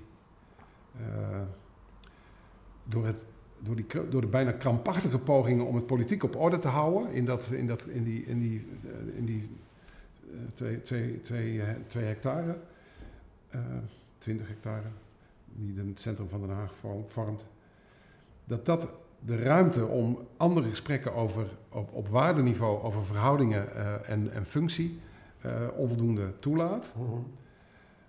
En dat brengt me sowieso bij een van mijn hobbyhorses. Je moet het over sommige dingen gewoon hebben. Dat moet, als je het niet hebt over waar de eigen rol en verantwoordelijkheden, wat de, wat de specificiteit van de rol van de ambtenaar is. Als je het daar niet over hebt met z'n allen, als ambtenaren, maar ook in de ontmoeting tussen ambtenaar en politiek, als je, het niet, als je niet geïnteresseerd bent in de grondslagen voor die verschil in, uh, in rollen en verantwoordelijkheden, als je daar over de onderleggers geen, uh, geen debat voert en ook probeert bij te houden waar de verschuivingen in de loop van de tijd zitten, zal er ook geen situatie ontstaan waar, waar je het op inhoud spannend maakt. Hè? Want waarom doen sommige mensen, zeggen mensen niet alles? Omdat ze, het, omdat ze inhoudelijke boodschappen hebben die dan niet goed vallen. En, dat, en, en, uh, dat, en dan wordt er klaarblijkelijk gedacht dat zich dat alleen maar kan vertalen in uh, verminderen van je, van je invloed of van je betekenis. Of, of, dus, dus afbrekende componenten. Ik weet dat zal zich verschillend uiten. De, nogmaals, ik, ik kan me er. ik zit overigens hier mijn, mijn SG-periode wordt voor 90% bepaald door Kees Veerman en 10% door Larojan en Gerda Verburg. En Kees en ik lijken heel erg op elkaar. Dus onze communicatie was op voorhand al optimaal. Ik bedoel, uh, allebei op de HBS gezeten. allebei. Maar beide wel een hele andere rol. De ene politicus. Zeker, maar het bespreekbaar maken van alles, ja, ja. is geen enkel probleem. En dat was bij, kijk, dat is bij Laura Jan. Ook niet? Voorstellen. Nee, nee, nee, tegenspraak, hè? Tegenspraak. Ja, Hij genoot van tegenspraak. En, maar het is in ieder geval anders. Zeker, zonder meer. Eh, Zonder meer. hoe, uh, je, je, noemde ook even Gerda. Uh, hoe, hoe, was het daarmee? Ik ben. ik heb kort, hè, met, met, want ik, ik was toen al benoemd als directeur Staatsbosbeheer. Uh, en in de, in de maanden bij, van haar aantreden tot 1 mei 2007 heb ik er uh, bediend. Van ben ik dienstbaar geweest. Nou, dus maar heel kort. Um, later als directeur Staatsbosbeheer is het nooit verkeerd gelopen, maar ik heb ook nooit een, een, een, een betekenisvolle relatie met haar weten te ontwikkelen. Met Laurens Jan wel, omdat ik daar als SG was ik als, als DG tevoren al uh, ja. nadrukkelijk, nadrukkelijk in, zijn, uh, in zijn domein. Dat was ook toen, toen je van DG naar SG schoof. Ja. Eigenlijk hadden we natuurlijk bij de, de ABD wel zo'n lijn van ja, je, je moet, moet, ergens anders naartoe. Moet ergens anders. Ja. Was dat toen aan de orde? Of Zeker, of, want je, je, was nog lid van de selectiecommissie, ja, volgens zeker. mij. Ja. En daar ben ik ernstig op bevraagd. Ja, nee, ik, ik, Uh, uh, en ik snapte hem ook wel. En ik zat er. Ik, ik heb het, ik heb het een, een buitengewoon leuke, een, een, spannende en interessante periode gevonden. Maar ehm, in tegenstelling tot sommigen was ik niet al twintig jaar bezig om SG te worden. Ik bedoel, ik herinner me nog als de dag van gisteren het gesprek met Laurens Jan daarover die me begon uit te leggen hoe zwaar de rol van een SG was. Want je moest dat doen en dit doen en daar had je last van en daar had je last van. En hij was al een kwartier bezig en ik zei tegen hem... Laurens Jan, als je me nou zegt, je wordt het niet... Dan, dan de sans rancune, daar word ik niet ja. buitengewoon verdroevig over. Nee, nee, nee, nee, nee, ik was net eraan toe om je te vragen om SG te worden. Ja, ja, ja, dus ik, uh, ik, ik, weet, ik weet dat het beeld en dat is ook dat is de reden waarom ik ben begonnen. Ik heb uh, beleid, staf, uitvoering en algemeen, algemene leiding gedaan. En de variatie binnen LNV is zodanig groot dat het argument je moet per se ergens anders zitten geldt niet. Wat als SG wel gold, denk ik, is dat je uh, als je aan de SG ook een uh, ontwikkelrol toekent, -huh. dan zou het risico geweest zijn dat je te weinig verfrissing, te weinig innovatie op het departement zou hebben. Ik denk dat mijn, mijn reputatie over uh, bereid tot verandering voldoende was om daar, om daar niet al te bereid voor te zijn. En dat heb ik, ik ben in mijn SG-tijd, er is een periode geweest dat ik nou toch minstens twee dagen in de week uh, volop met de Rijksdienst en de Rijksoverheid bezig was en niet met het departement zelf. Dus, maar ik, ik, ik, herken die, die die situatie. En, en het was ook omdat het tijd werd om een keer een traditie bij LNV te doorbreken. Oh. Dat de, de, nou ja, de, de, bedoel, er was een, de, kroonprins was er al, Ja, hè, om ja, het ja, even zo te zeggen, van Dinter. Ja. Uh, Nee, daarvoor al. Uh, Van Dinter was de eerste, denk ik, die uit eigen gelederen kwam. Toen kwam Chippen, toen kwam ik, toen kwam André van der Zanden. En, nu pas met eerst EZ en toen nu Jan Kees Goed. nog even over de, de, die, dat, dat, dat, dat die, die, die, die verhouding tussen het politieke domein en het ambtelijke domein. En ook jouw observatie dat het politieke domein de neiging heeft groter te worden en wat uh, losser van de, het ambtelijke domein. Uh, ja. uh, een van de dingen die, die zeker ook bij zo'n departement als landbouw erg belangrijk is, is, is de contact met de, de, de, de, de samenleving, de, achterban enzovoort. Wat niet een exclusieve rol is van de politiek, maar ook, ook exclusief, of een, belangrijk onderdeel is van de uh, ambtelijke rol. Wat je nogal eens ziet in het algemeen, je moet maar eens even eh, reageren hoe jij dat ervaren hebt, is dat bij die verschuiving van het, die, die, ontwikkelingen in het politieke vak uh, ook het wantrouwen onder de politici groeit over wat die ambtenaren doen in hun eigen netwerk. Uh, ja. heb, je, heb, je daar, heb je dat meegemaakt? Uh, speelde dat een, dat een rol? Ik denk in het, uh, in het domein van LNV minder. Hoewel er een, een, maar daar hadden we het al eerder over, dat waar vroeger ambtenaren vaak aan de voorkant van de verandering zaten, is dat veel minder geworden. Hè? Ja. Dus de ruimte om boodschappen te geven die ja. nog niet politiek waren gegeven. Hè? Vroeger kon je uh, behoorlijk wat boodschappen kwijt die nog niet politiek waren afgezegeld. En nu is het andersom. Nu is het vooral uitleggen wat de politiek al heeft uh, uh, meegedeeld. Hè? Maar ik maak daarbij altijd een onderscheid, Roel, ergens tijd voor hebben of ergens aandacht aan besteden. Ja. Maar ik ben ervan overtuigd dat je als ambtenaar niet, niet, niet optimaal functioneert als je geen aandacht geeft aan de sectoren, aan de relevante sectoren waar je, -huh. van het domein, het beleidsdomein waarin je, mee, mee, waarin je bezig bent. Dus uh, zichtbaarheid, betrokkenheid, maar ook de signaalfunctie, die, hè, het opvangen van waar wordt daarover gemopperd, waar zitten de zorgen, waar worden ze blij van. Dat kennen, dat weten, dat kun je nooit aan een uh, minister alleen toekennen. Uh, en dat vind ik een ehm, in alle opzichten wenselijke, maar ook ongevaarlijke uh, uh, uh, rol vanuit politiek gezien. Hè? Ik bedoel, het, het hebben van oren naar de samenleving, ja, daar zou de politiek zijn grote voordeel moet, moet, moet, mee moeten doen. maar de politiek is er heel wantrouwig over. En, en ja, onterecht. Om, om, om, nog eens een ander voorbeeld te noemen, of een eerste vraag. Had jij als ambtenaar, als topambtenaar, wel eens uh, rechtstreeks contact met een Kamerlid of een journalist zonder dat je daarvoor toestemming had van de minister. Ja. Terwijl dat verboden is in de Oekase kok. Ja, maar volgens mij hebben wij dat altijd als een apocryf verschijnsel uh, gezien. Ja. Het was er wel, maar het bestond niet. Ja. Of het bestond wel, maar was er niet. Ja. Het is een onzin, Oekase. Ja. Maar, maar, maar, maar, met, onder de condities, onder, onder op zijn minst twee condities. Je moet er met gezond verstand mee omspringen. Maar je moet je vooral beseffen, over datgene waar we het net over hadden, waar het verschil tussen de politieke en de ambtelijke uh, uh, uh, rol zit. Oh. ik ben zelf ook voorstander van een veel directer contact van ambtenaren met, met het politieke bestel, ook in, in, in informatieverstrekkende zin.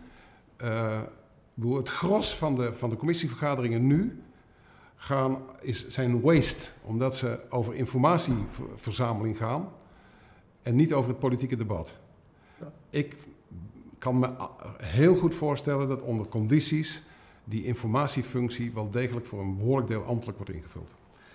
Dus ik ben nooit was. Je moet alleen precies weten.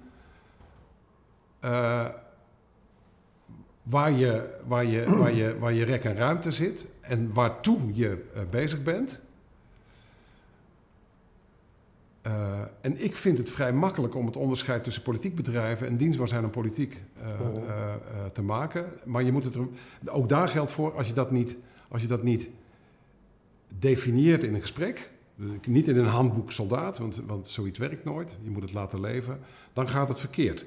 De kwetsbaarheid hierin zit hem in het feit dat Kamerleden niet die rolverdeling of die functionaliteit, die dienstbaarheidskant begrijpen. Dus je, als je het doet in de huidige context, maak je je als ambtenaar kwetsbaar omdat je niet op voorhand weet of het betreffende Kamerlid snapt hoe het zit. Ja. Uh, en ook daarin moet je dan weer wat selectief zijn, denk ik. Met de een wel, de ander niet. Uh, maar die Oekase kok. Uh, nee, ik, even, ik vond het de mooiste illustratie van het onderscheid tussen politiek en ambtenarij. We hadden een ingewikkelde discussie tussen Rick Faber en Jan Pronk. En ik weet niet meer wat het over ging hoor. Maar en er zaten een paar ambtenaren bij, ik was er één van. En toen zei Jan, uh, nou moeten jullie je mond houden, want nu, gaat het, nu is het alleen politiek. Alsof politiek en, ambt, en ambtelijke opvatting strijdig zijn. Bedoel, in besluitvormingstermen wel, maar in meningsvorming, mhm. dan was dan zo van, daar hebben jullie geen verstand van, daar zijn jullie niet van, want daar moet je politicus voor zijn. Nou, uh, volgens mij is, ben je pas optimaal dienstbaar als je ook snapt wat die politicus doet. En hoe die in elkaar zit en, en waar die wel en niet bij, bij functioneert. Dus, ik, dus ik snap zo'n uh, zo'n oekase vind ik echt een, een uh, gestold wantrouwen. En, en dat komt voort uit armoede. Waar komt dat wantrouwen vandaan? Die oekase is van mei 1998. Dus, er zal een incident geweest zijn. Ja, dat, je weet ook welk. Ja, nee. Weet ik niet. Maar, is van Leeuwen. Ja, ja. ja. ja. Nee, maar de, ik ben ervoor om incidenten te gebruiken om te, om te toetsen of je regels deugen. Ja. Maar wat je tegenwoordig ziet, is dat vrijwel elk incident vertaald wordt in een nieuwe regel. Zonder dat de toets wordt gedaan op de deugdelijkheid ja, ja. Op het, in het bredere geheel. Ja. Dat is echt... Uh, dus het is echt het is idioot wat er op af en toe, af en toe gebeurt. Hè? Ik bedoel, uh, uh, uh, nogmaals, incidenten zijn geweldig belangrijke graadmeesters, graadmeters, maar ze zijn niet de enige, het enige criterium. Hè? Ik bedoel, als het hemeltje afvikt, dan doe je daar wat mee hè, in Volendam. Of als de vuurwerkfabriek ja. afbrandt, dan doe je er wat mee. Maar wat je ermee doet, moet je wel in een, in een, in de, voortdurend, voortdurend, weer in een, in een wat bredere context. Uh, dus incident-driven uh, incidenten als inspiratie op, op, op het grotere geheel prima, maar incident eh, tot regel verheffen. Bedoel, kenmerkend voor de huidige politieke verhoudingen is dat als er ergens zich een incident voordoet, dan, dan komen er altijd Kamervragen. Er zit nooit in de Kamervragen een vraag van was dit nou een incident? Was het een uitzondering op de regel? Nee, het wordt ogenblikkelijk in de eerste vraag verheven tot regel. Ja. Het is overal aan de orde, het is schandelijk en het moet niet meer. Ja, nou, die, die, die, die, als ik, als ik, uh, uh, als ik, als ik ergens onvrede over heb, dan is het het, het beperkte vermogen om na te denken over de effecten van dit soort vooronderstellingen. Van uh, de reflectie op de effecten van het eigen handelen ja. of van de eigen opvattingen. De ruimte voor reflectie en het organiseren van reflectie daarover is een van de grootste uh, tekorten in, de huidige, uh, in het huidige publieke domein. En, Ambtelijk en politiek. En, en ja, maar dit zijn natuurlijk vooral ontwikkelingen in het politieke domein. Hè. Je noemt het voorbeeld al van de Kamervragen. Kamervragen, vragen in het algemeen zijn over het, normaal gesproken bedoeld om een antwoord te krijgen. Nee, niet. niet, het is, niet het enige doel is de vraag te stellen. Eén op de 20, 30, 40 krijgt een vervolg. Ja. En dat is echt idioot. Ja. Uh, dus ze worden gesteld met het oogmerk om publiciteit te krijgen. Ik werd net uh, getriggerd door iets wat je zei over uh, dat je als SG tijd en aandacht uh, besteedt aan verschillende zaken. We hebben het tot nu toe vooral gehad over het politieke domein en de verhouding tussen het ambtelijke en het politieke domein. Welke, um, waar besteed je nog meer aandacht aan? Wat was voor jou ehm, belangrijk als uh, SG? Je zei al twee dagen per week uh, Rijksdienst. Ja. Hou er vijf over. Ja. Twee dagen vrije tijd. nou, ik kwam inderdaad wel. Uh, de 60, de 60 uur haalde ik wel. Ja. Intern, intern mens, mensenorganisatie. Hebben we uh, uiteraard het hele het standaard de advies van de minister, adviseren van de minister, et cetera. en toch ook behoorlijk buiten zichtbaar zijn. En wat was buiten dan? Wat, wat, betekent, wat betekent buiten voor jou? Nou ja, om het bij het makkelijkste te beginnen. Dat is af en toe bij feestjes van uh, relevante actoren aanwezig zijn, recepties of uh, de grotere complimenten die ik heb gekregen, was omdat dan kwam er een vraag of ik ergens een verhaal wilde houden bij een gelegenheid. En dan zei ik van ja, maar dan moet je bij de DG zijn of bij de directeur. En dan zei ze nee, nee, nee, we willen dat jij het houdt, want we weten dat jij je, uh, jij snapt waar we mee bezig zijn. Nou, dat zijn enorme complimenten, vind ik. ik bedoel, uh, dus dat ging niet om de functionaliteit, dat, dat, ging ook niet om de rang, maar gewoon om de, om de zichtbaarheid van de, van, de, van de persoon. Dus als je er zijn, af, op selectief, hè, want je kunt natuurlijk nooit overal zijn, maar zorgvuldig zijn in je, in, je, in je relatiebeheer, laat ik het maar even, ja, dat klinkt, klinkt wat plat, maar gewoon zichtbaar. En, en daar zijn dan steeds uh, vanuit, vanuit een volstrekt eigenstandige positie en eigenstandige verantwoordelijkheid, toch verbonden zijn met de ander. Ik bedoel, relaties, verbondenheid, is dan een van de belangrijkste uh, factoren. Hè. Ik, bedoel, ik heb uh, uh, een, heel andere, een heel ander voorbeeld. We, moesten, we hebben een vrij ingrijpende bezuinigingsoperatie gehad binnen LNV in mijn SG-periode. we hebben de, de hele ICT-toestand over, overhoop gegooid. En dan moet je er zelf zijn. Dan moet je er staan en dan moet je het kunnen uitleggen. Hoe, hoe is dat om dat te doen? Fantastisch. Maar je moet het alleen maar doen als je het ook doorhebt, als je het snapt. Als je, als je uitlegt wat een ander voor je heeft geschreven, als het niet van jou is. Maar dat was dan... misschien een politieke opdracht. Of een nee, nee, nee, nee, nee, nee, joh, nee, we moesten 200 miljoen uh, bezuinigen. En, en uh, uh, dat was gewoon omdat we een enorme groei in de personeelslasten hadden. En die moest gewoon minder worden. en dat moest ergens vandaan komen. Nee, dat was een, een, een, een weliswaar politiek bevestigde, maar ambtelijk gekozen oplossing. Dat is. Uh, nee, maar ik, ik vind uh, verbondenheid, dat is niet hetzelfde als uh, boodschapper zijn van of schoothond van of zo. En daar zit dat gevoel van kwetsbaarheid van die, van die contacten. Hè? Of dat nou van wat mag je buiten doen, wat mag je, wat mag je binnen het politieke domein als ambtenaar. Um, ik vind verbondenheid uh, Geek Faber had ruzie met de visserij op een, op een gegeven moment. Die wilde havens blokkeren, et cetera. En ze accepteerde haar gewoon niet.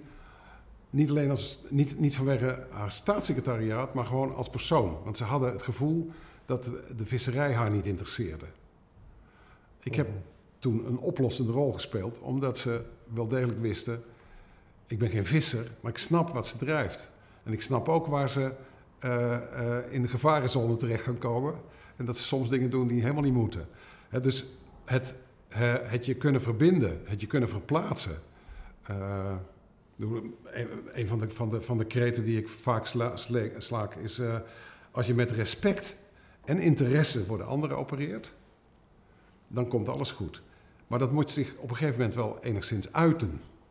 En, dus, en dat is weer met, met, met aandacht, met... Uh, ben je er? Ben je ook aanspreekbaar als het een keer nodig is? Hè? Ik bedoel, zit je deur consequent op slot? Hij mag wel eens dicht zitten, hè? daar gaat het niet om, maar is hij figuurlijk open of niet? Nou, die, die, dat, dat is voor mij, vind ik, heel erg belangrijk. Ik voeg daar overigens één ding aan toe. Ik had hiervoor een gesprek met, uh, met Rien Franje, de directeur van de ROB, of de secretaris van de ROB, over hij zat in een groepje waarin de stelling werd betrokken dat je de Rijksdienst geen leidinggevende zou moeten hebben die, met, die inhoudelijk gedreven zouden zijn. En dat vind ik echt, dat vind ik, dat vind ik vloeken in de kerk. dat je puur op, op proces en mens, hè, dus op organisatie en proces stuurt en niet dat je als leidinggevende oh. je niet bemoeit met de inhoud. als je geen affiniteit hebt met wat je doet, dan merkt de, de ander dat direct. En of dat nou een ambtenaar is, een medewerker, een collega of een, uh, iemand buiten, als je geen affiniteit hebt met, je, met, je, met de velden waar je verantwoordelijk voor bent, kan het niet goed gaan. Ik een van de, van de mooiste uitspraken vind ik van, uh, van is de grens van mobiliteit is affiniteit. Uh, dat, dus je, je kunt niet overal effectief, even effectief zijn. Dat bestaat gewoon niet als je, als je, niet, als je mij zou vragen van uh, uh, ga iets doen bij Defensie, dan zou ik dat wel kunnen, maar ik zou er veel minder uh, gemotiveerd. precies, omdat je er je moet iets hebben. Dat is niet hetzelfde als dat je, dat je kritiekloos ermee mee aan de gang gaat. Of dat je, waar we het eerder over hadden, dat je zodanig gedreven bent dat je alleen je eigen opvattingen als normgevend voor je, voor je, voor je handelen. als je nou eens een vacaturemelding van de ABD ziet, een topmanagementgroep, dan is dit element, staat er nauwelijks in. Ja, en dat, uh, volledig verkeerd. En uh, je, je, moet een, uh, het begint met, met een hoge mate van politiek-bestuurlijke sensitiviteit en, en al, al, dat soort dingen. Procesvaardigheden, je moet gevoel voor mensen, je moet communicatie uh, enzovoorts. Maar ja. de, de, expertise op een bepaald terrein, uh, de, de, of de, affiniteit met een bepaald terrein, dat, dat, dat, dat, dat zakt wel een beetje uit de, de profilering. Ja, dat vind ik verkeerd. En, en, en we hadden even, het is ook misschien goed om, om dat te gebruiken eh, richting van een afsluiting. Helemaal aan het begin hadden we dit punt ook al even bij de, bij de kop. Uh, de, de, mobiliteit uh, en, en van, van, van, topambtenaren in relatie ook met, met hun expertise en de uh, hypothese van de APD dat elke, elk lid van de topmanagementgroep op elke positie in de topmanagementgroep plaatsbaar is. En dat is een beetje de. Ja. Dus ik heb dat ooit eens, als, in, in mijn SG-tijd heb ik dat de, de, de MOPO-factor genoemd. We hebben in de topmanagementgroep een MOPO-factor als hypothese van 100. Dus uh, elke uh, lid van de topmanagementgroep is op elke functie in de topmanagementgroep plaatsbaar. Ja. Nou, in, de, in de praktijk zie je dat bijvoorbeeld een functie als thesaurier-generaal. Uh, er zijn misschien één of twee die dat kunnen en dat misschien nog niet eens. nee, maar als je, als je of iemand plaatsbaar is, ja. dat is vanuit een, een, een, een plaatsingsbureau een relevante factor. Maar of iemand op zijn plek is ja. en effectief is, optimaal effectief is, ja. Ja, dat is een hele andere. Je, moet je, je moet je toch niet voorstellen dat je bij, als je uh, in gesprekken met werkgevers en werknemersorganisaties zit over, weet ik wat, pensioenvoorzieningen, in de pensioenstelsels in de toekomst, en dat je je niet snapt, dat je je niet kunt verplaatsen in de redeneringen van bijvoorbeeld de vakbeweging. Mhm. Dan kun je toch ook niet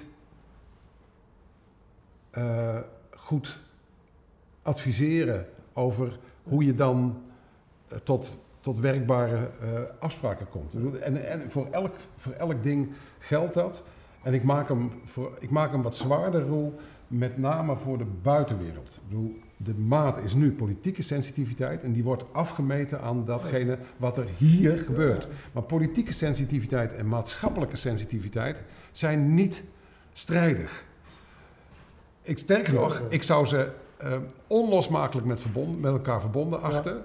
Ja. Uh, laat, laat, ik in het, in het eigen, uh, in het, in het LNV-domein blijven.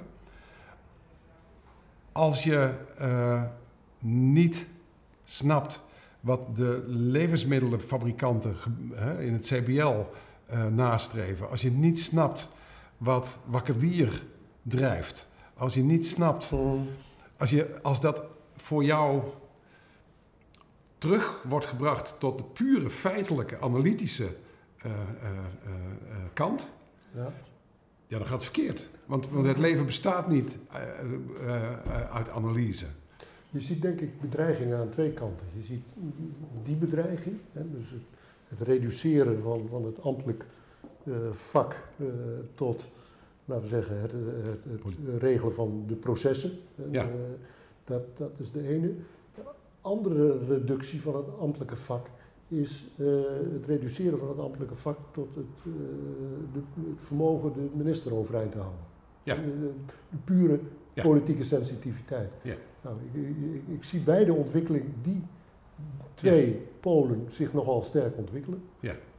en de, laten we zeggen, de, de, de pool de, de, waar, waar, het om zou moeten gaan, de kern, erodeert. Dat, uh... ik ben het eens met die analyse, maar me, um, ik ben 70, dus het wordt al heel makkelijk gezien als, een, als uh, nostalgische uitingen van, van, van een oude aap. Ja.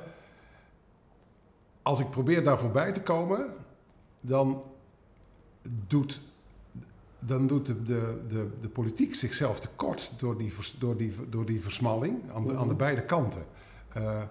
Het, het verrijkt hun effectiviteit op het moment dat je ook van ambtenaren zou verwachten dat ze zich uitstekend verstaan tot samenleving. Mhm. Of begrijpen uh, wat er aan de orde is. Dus uh, die, zonder dat je verkettert en ontkent de noodzaak van die twee extremen. Want die moet je, je volgens mij moet je niet denken dat die plotseling dat die wel weg kunnen als je maar mhm. dat midden maar weer goed opvult. Nee, nee. Maar het midden is bijna de kwaliteit van dat midden, zoals jij het beschrijft, is bijna randvoorwaardelijk, voorwaardelijk voor het goed kunnen opereren in die twee extremen. Mhm.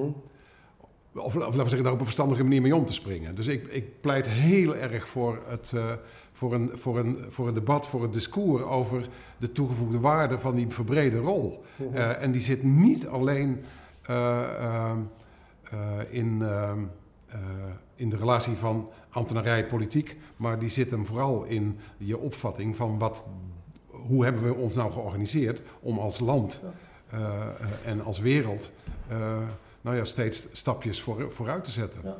Hoe, hoe, ontwikkel je die, zo'n sensitiviteit hè? voor zowel het politieke of het maatschappelijke of juist voor de uitvoering? Um, naar buiten dat, gaan. Dat, dat leer je niet in je opleiding, stel naar buiten, voor. Naar buiten gaan.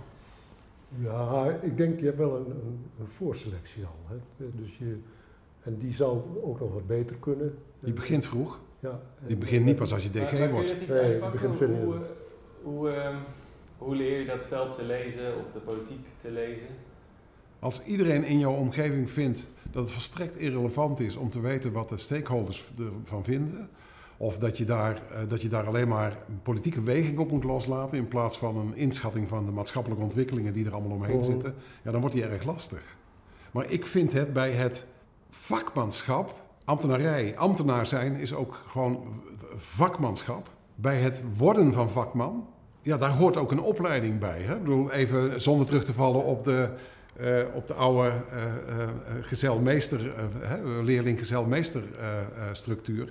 Maar vanaf het begin, vanaf het binnenkomen, moet je het hebben over die rijkdom, hè, die, die, die, die rijkheid aan, aan rollen en verantwoordelijkheden. En moet je hem concreet maken door het gewoon ook te, te laten zien. het zit hem bijvoorbeeld ook in als je, stel je voor, hè, je zit ergens in een beleidsdirectie en je schrijft een stuk en je, levert, en je levert dat bij je baas in, kijkt die dan, heb je daar nou ook een stuk in zitten wat probeert in te schatten hoe, niet alleen hoe het valt in, in, de, uh, in de Kamer of bij, in de Telegraaf, oh. maar ook hoe zit het nou in de sector? Wat speelt daar nou achter? Zijn we, geven we nou een antwoord op ja. dienstvragen beantwoorden we? Dragen we bij aan het vergroten van die, van, die, van die kloven die we in onze Nederlandse samenleving kennen, die we willen dichten, of niet. dus het is de. de, de, de het, het, het, begint, het, het, het, is niet genoeg om alleen maar een mooi opvoedingsprogramma te hebben. Want voordat je dan die jonkies in de hoogste posities hebt, zijn we weer 20, 30 jaar verder. Nou, Opleiding zou wel ook een rol kunnen spelen. Mijn, mijn voortdurende kritiek op uh, bestuurskunde is dat het uh, op het ogenblik voor alles opleidt, behalve voor uh, dit. En, uh, Zit jij je zit bij bestuurskunde? Ja, Het is, eh, organisatiewetenschap. Ja, Ja. ja. Het is een hele slechte opleiding. Dat, eh, ik vraag aan mijn studenten, eh, afgelopen week ook weer gevraagd, wat willen jullie laten worden? Eh, nou, eh, dat is, 95% zegt eh, ambtenaar. Eh, en dan vervolgens vraag ik eens, wat, wat denk je dan dat je gaat, gaat doen? Nou, dingen die we geleerd hebben. Dat is grootschalig kwantitatief eh, onderzoek. Ik zei nou... eh, Nee. Nee, er, is, er is wel het grapje gemaakt over bedrijfskunde. Bedrijfskunde is geen studie, dat moet je gewoon ervaren. Hè? Ja. Je moet gewoon gaan- gaan werken in het bedrijf. En dan leer je wel bedrijfskunde. Nou, bestuurskunde heeft daar elementen van. Ja. Eh, ik, ben, ik ben een paar keer, eh, eh, heb ik ook het genoegen gehad om dan zeg maar, gastcolleges te, te, te, te, te verzorgen. En dan is, de, dan is mijn praktijk was zo afwijkend van, van, van, de, van de, eh, de studiepraktijk, laat ik het maar even zeggen. Ehm, en, ik, en ik blijf voorstander van het eh, ontmoeten van de ander. Ja. Bedoel, eh, en dat hoeft, niet per, het hoeft allemaal niet zo ingewikkeld te zijn, hè? maar een keer met iemand meewandelen of ergens op bezoek gaan. Of, en het kost allemaal tijd hè? En, en, eh, en het is druk, druk, druk. Ehm, maakt overigens markant uit. Je, hier in Den Haag deugt het pas als je druk bent. De, de norm voor eh, relevant zijn is drukte. Hoe is het ermee? Ja, goed, maar hartstikke druk. Hmm. Er is niemand die zegt van nou, ik kan het goed handelen. Nee, druk. En dan ga je naar een grote, naar een uitvoerende organisatie. En daar is de sfeer op de gang anders. En dan komen er Hagenezen op bezoek en die denken hier wordt niet gewerkt. Want ze hebben het niet druk. Ja, Maar druk en effectiviteit zijn twee echt verschillende grootheden. En er is een grote mate van Haagse arrogantie als het gaat over eh, wat bepaalt Ja. of iets eh, eh, deugt. Eh, Ja. en, en dat, Je- Ja, En je, dat- je hebt zowel in Den Haag gezeten, beleid, Ja. algemene eh, verantwoordelijkheid, maar ook eh, uitvoering, diensten. Onders, onderscheiden middelen. Ik, ik heb, er is een, een periode geweest van, dat het in Den Haag vooral ging over scheiding van beleid en uitvoering. Daar is, hij, eh, daar is hij ook nogal mee bezig geweest. Ik heb consequent gesproken over onderscheid tussen beleid en uitvoering. Omdat ze wel degelijk in dezelfde cyclus zitten, maar ze zijn in, in de aard van de processen zijn ze heel anders. Maar als het nou om gaat, waar wordt de werkelijkheid zichtbaar? Waar wordt de werkelijkheid getoetst? Dat is in de uitvoering.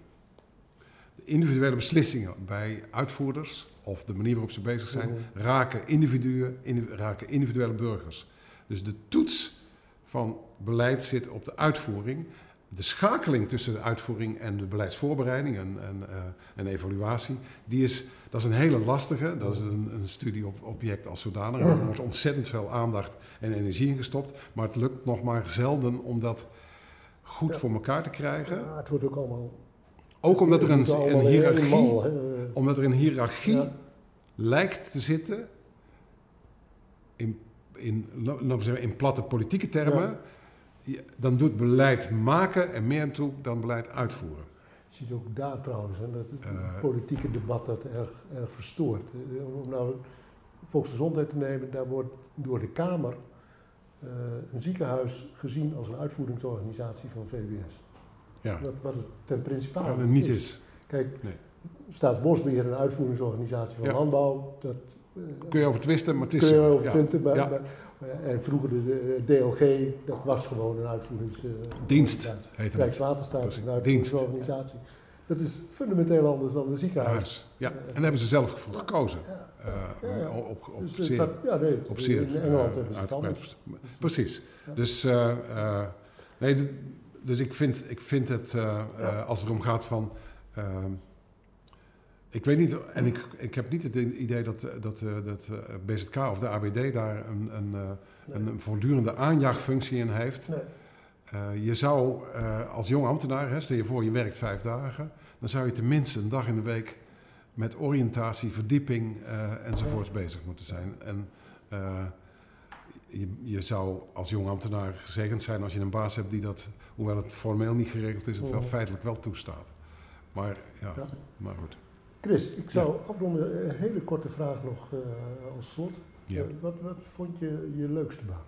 Ik heb elk, in mijn ambtelijke, dus van 82 tot 2013, ik heb ze allemaal hartstikke leuk gevonden. Helemaal mhm. anders. Ik heb, ik heb overal het gevoel gehad, Roel, dat ik er dat ik iets toevoegde dat ik er toe deed. En uh, dat is ook van mij, hè. Ik, bedoel, ik, ik, ik, vind dat ik er moet, toe, moet, toe moet doen, want anders zit je verkeerd. Maar uh, de, dat is de Calvinistische kant. Als je nou zegt van, had je een hoogtepunt? Ja, maar in elk van die, van die rollen zijn er hoogtepunten geweest. Meer hoogtepunten dan dieptepunten. Dat vind ik, uh, die, die koester ik gewoon. Nee, ik, echt serieus. Ik bedoel,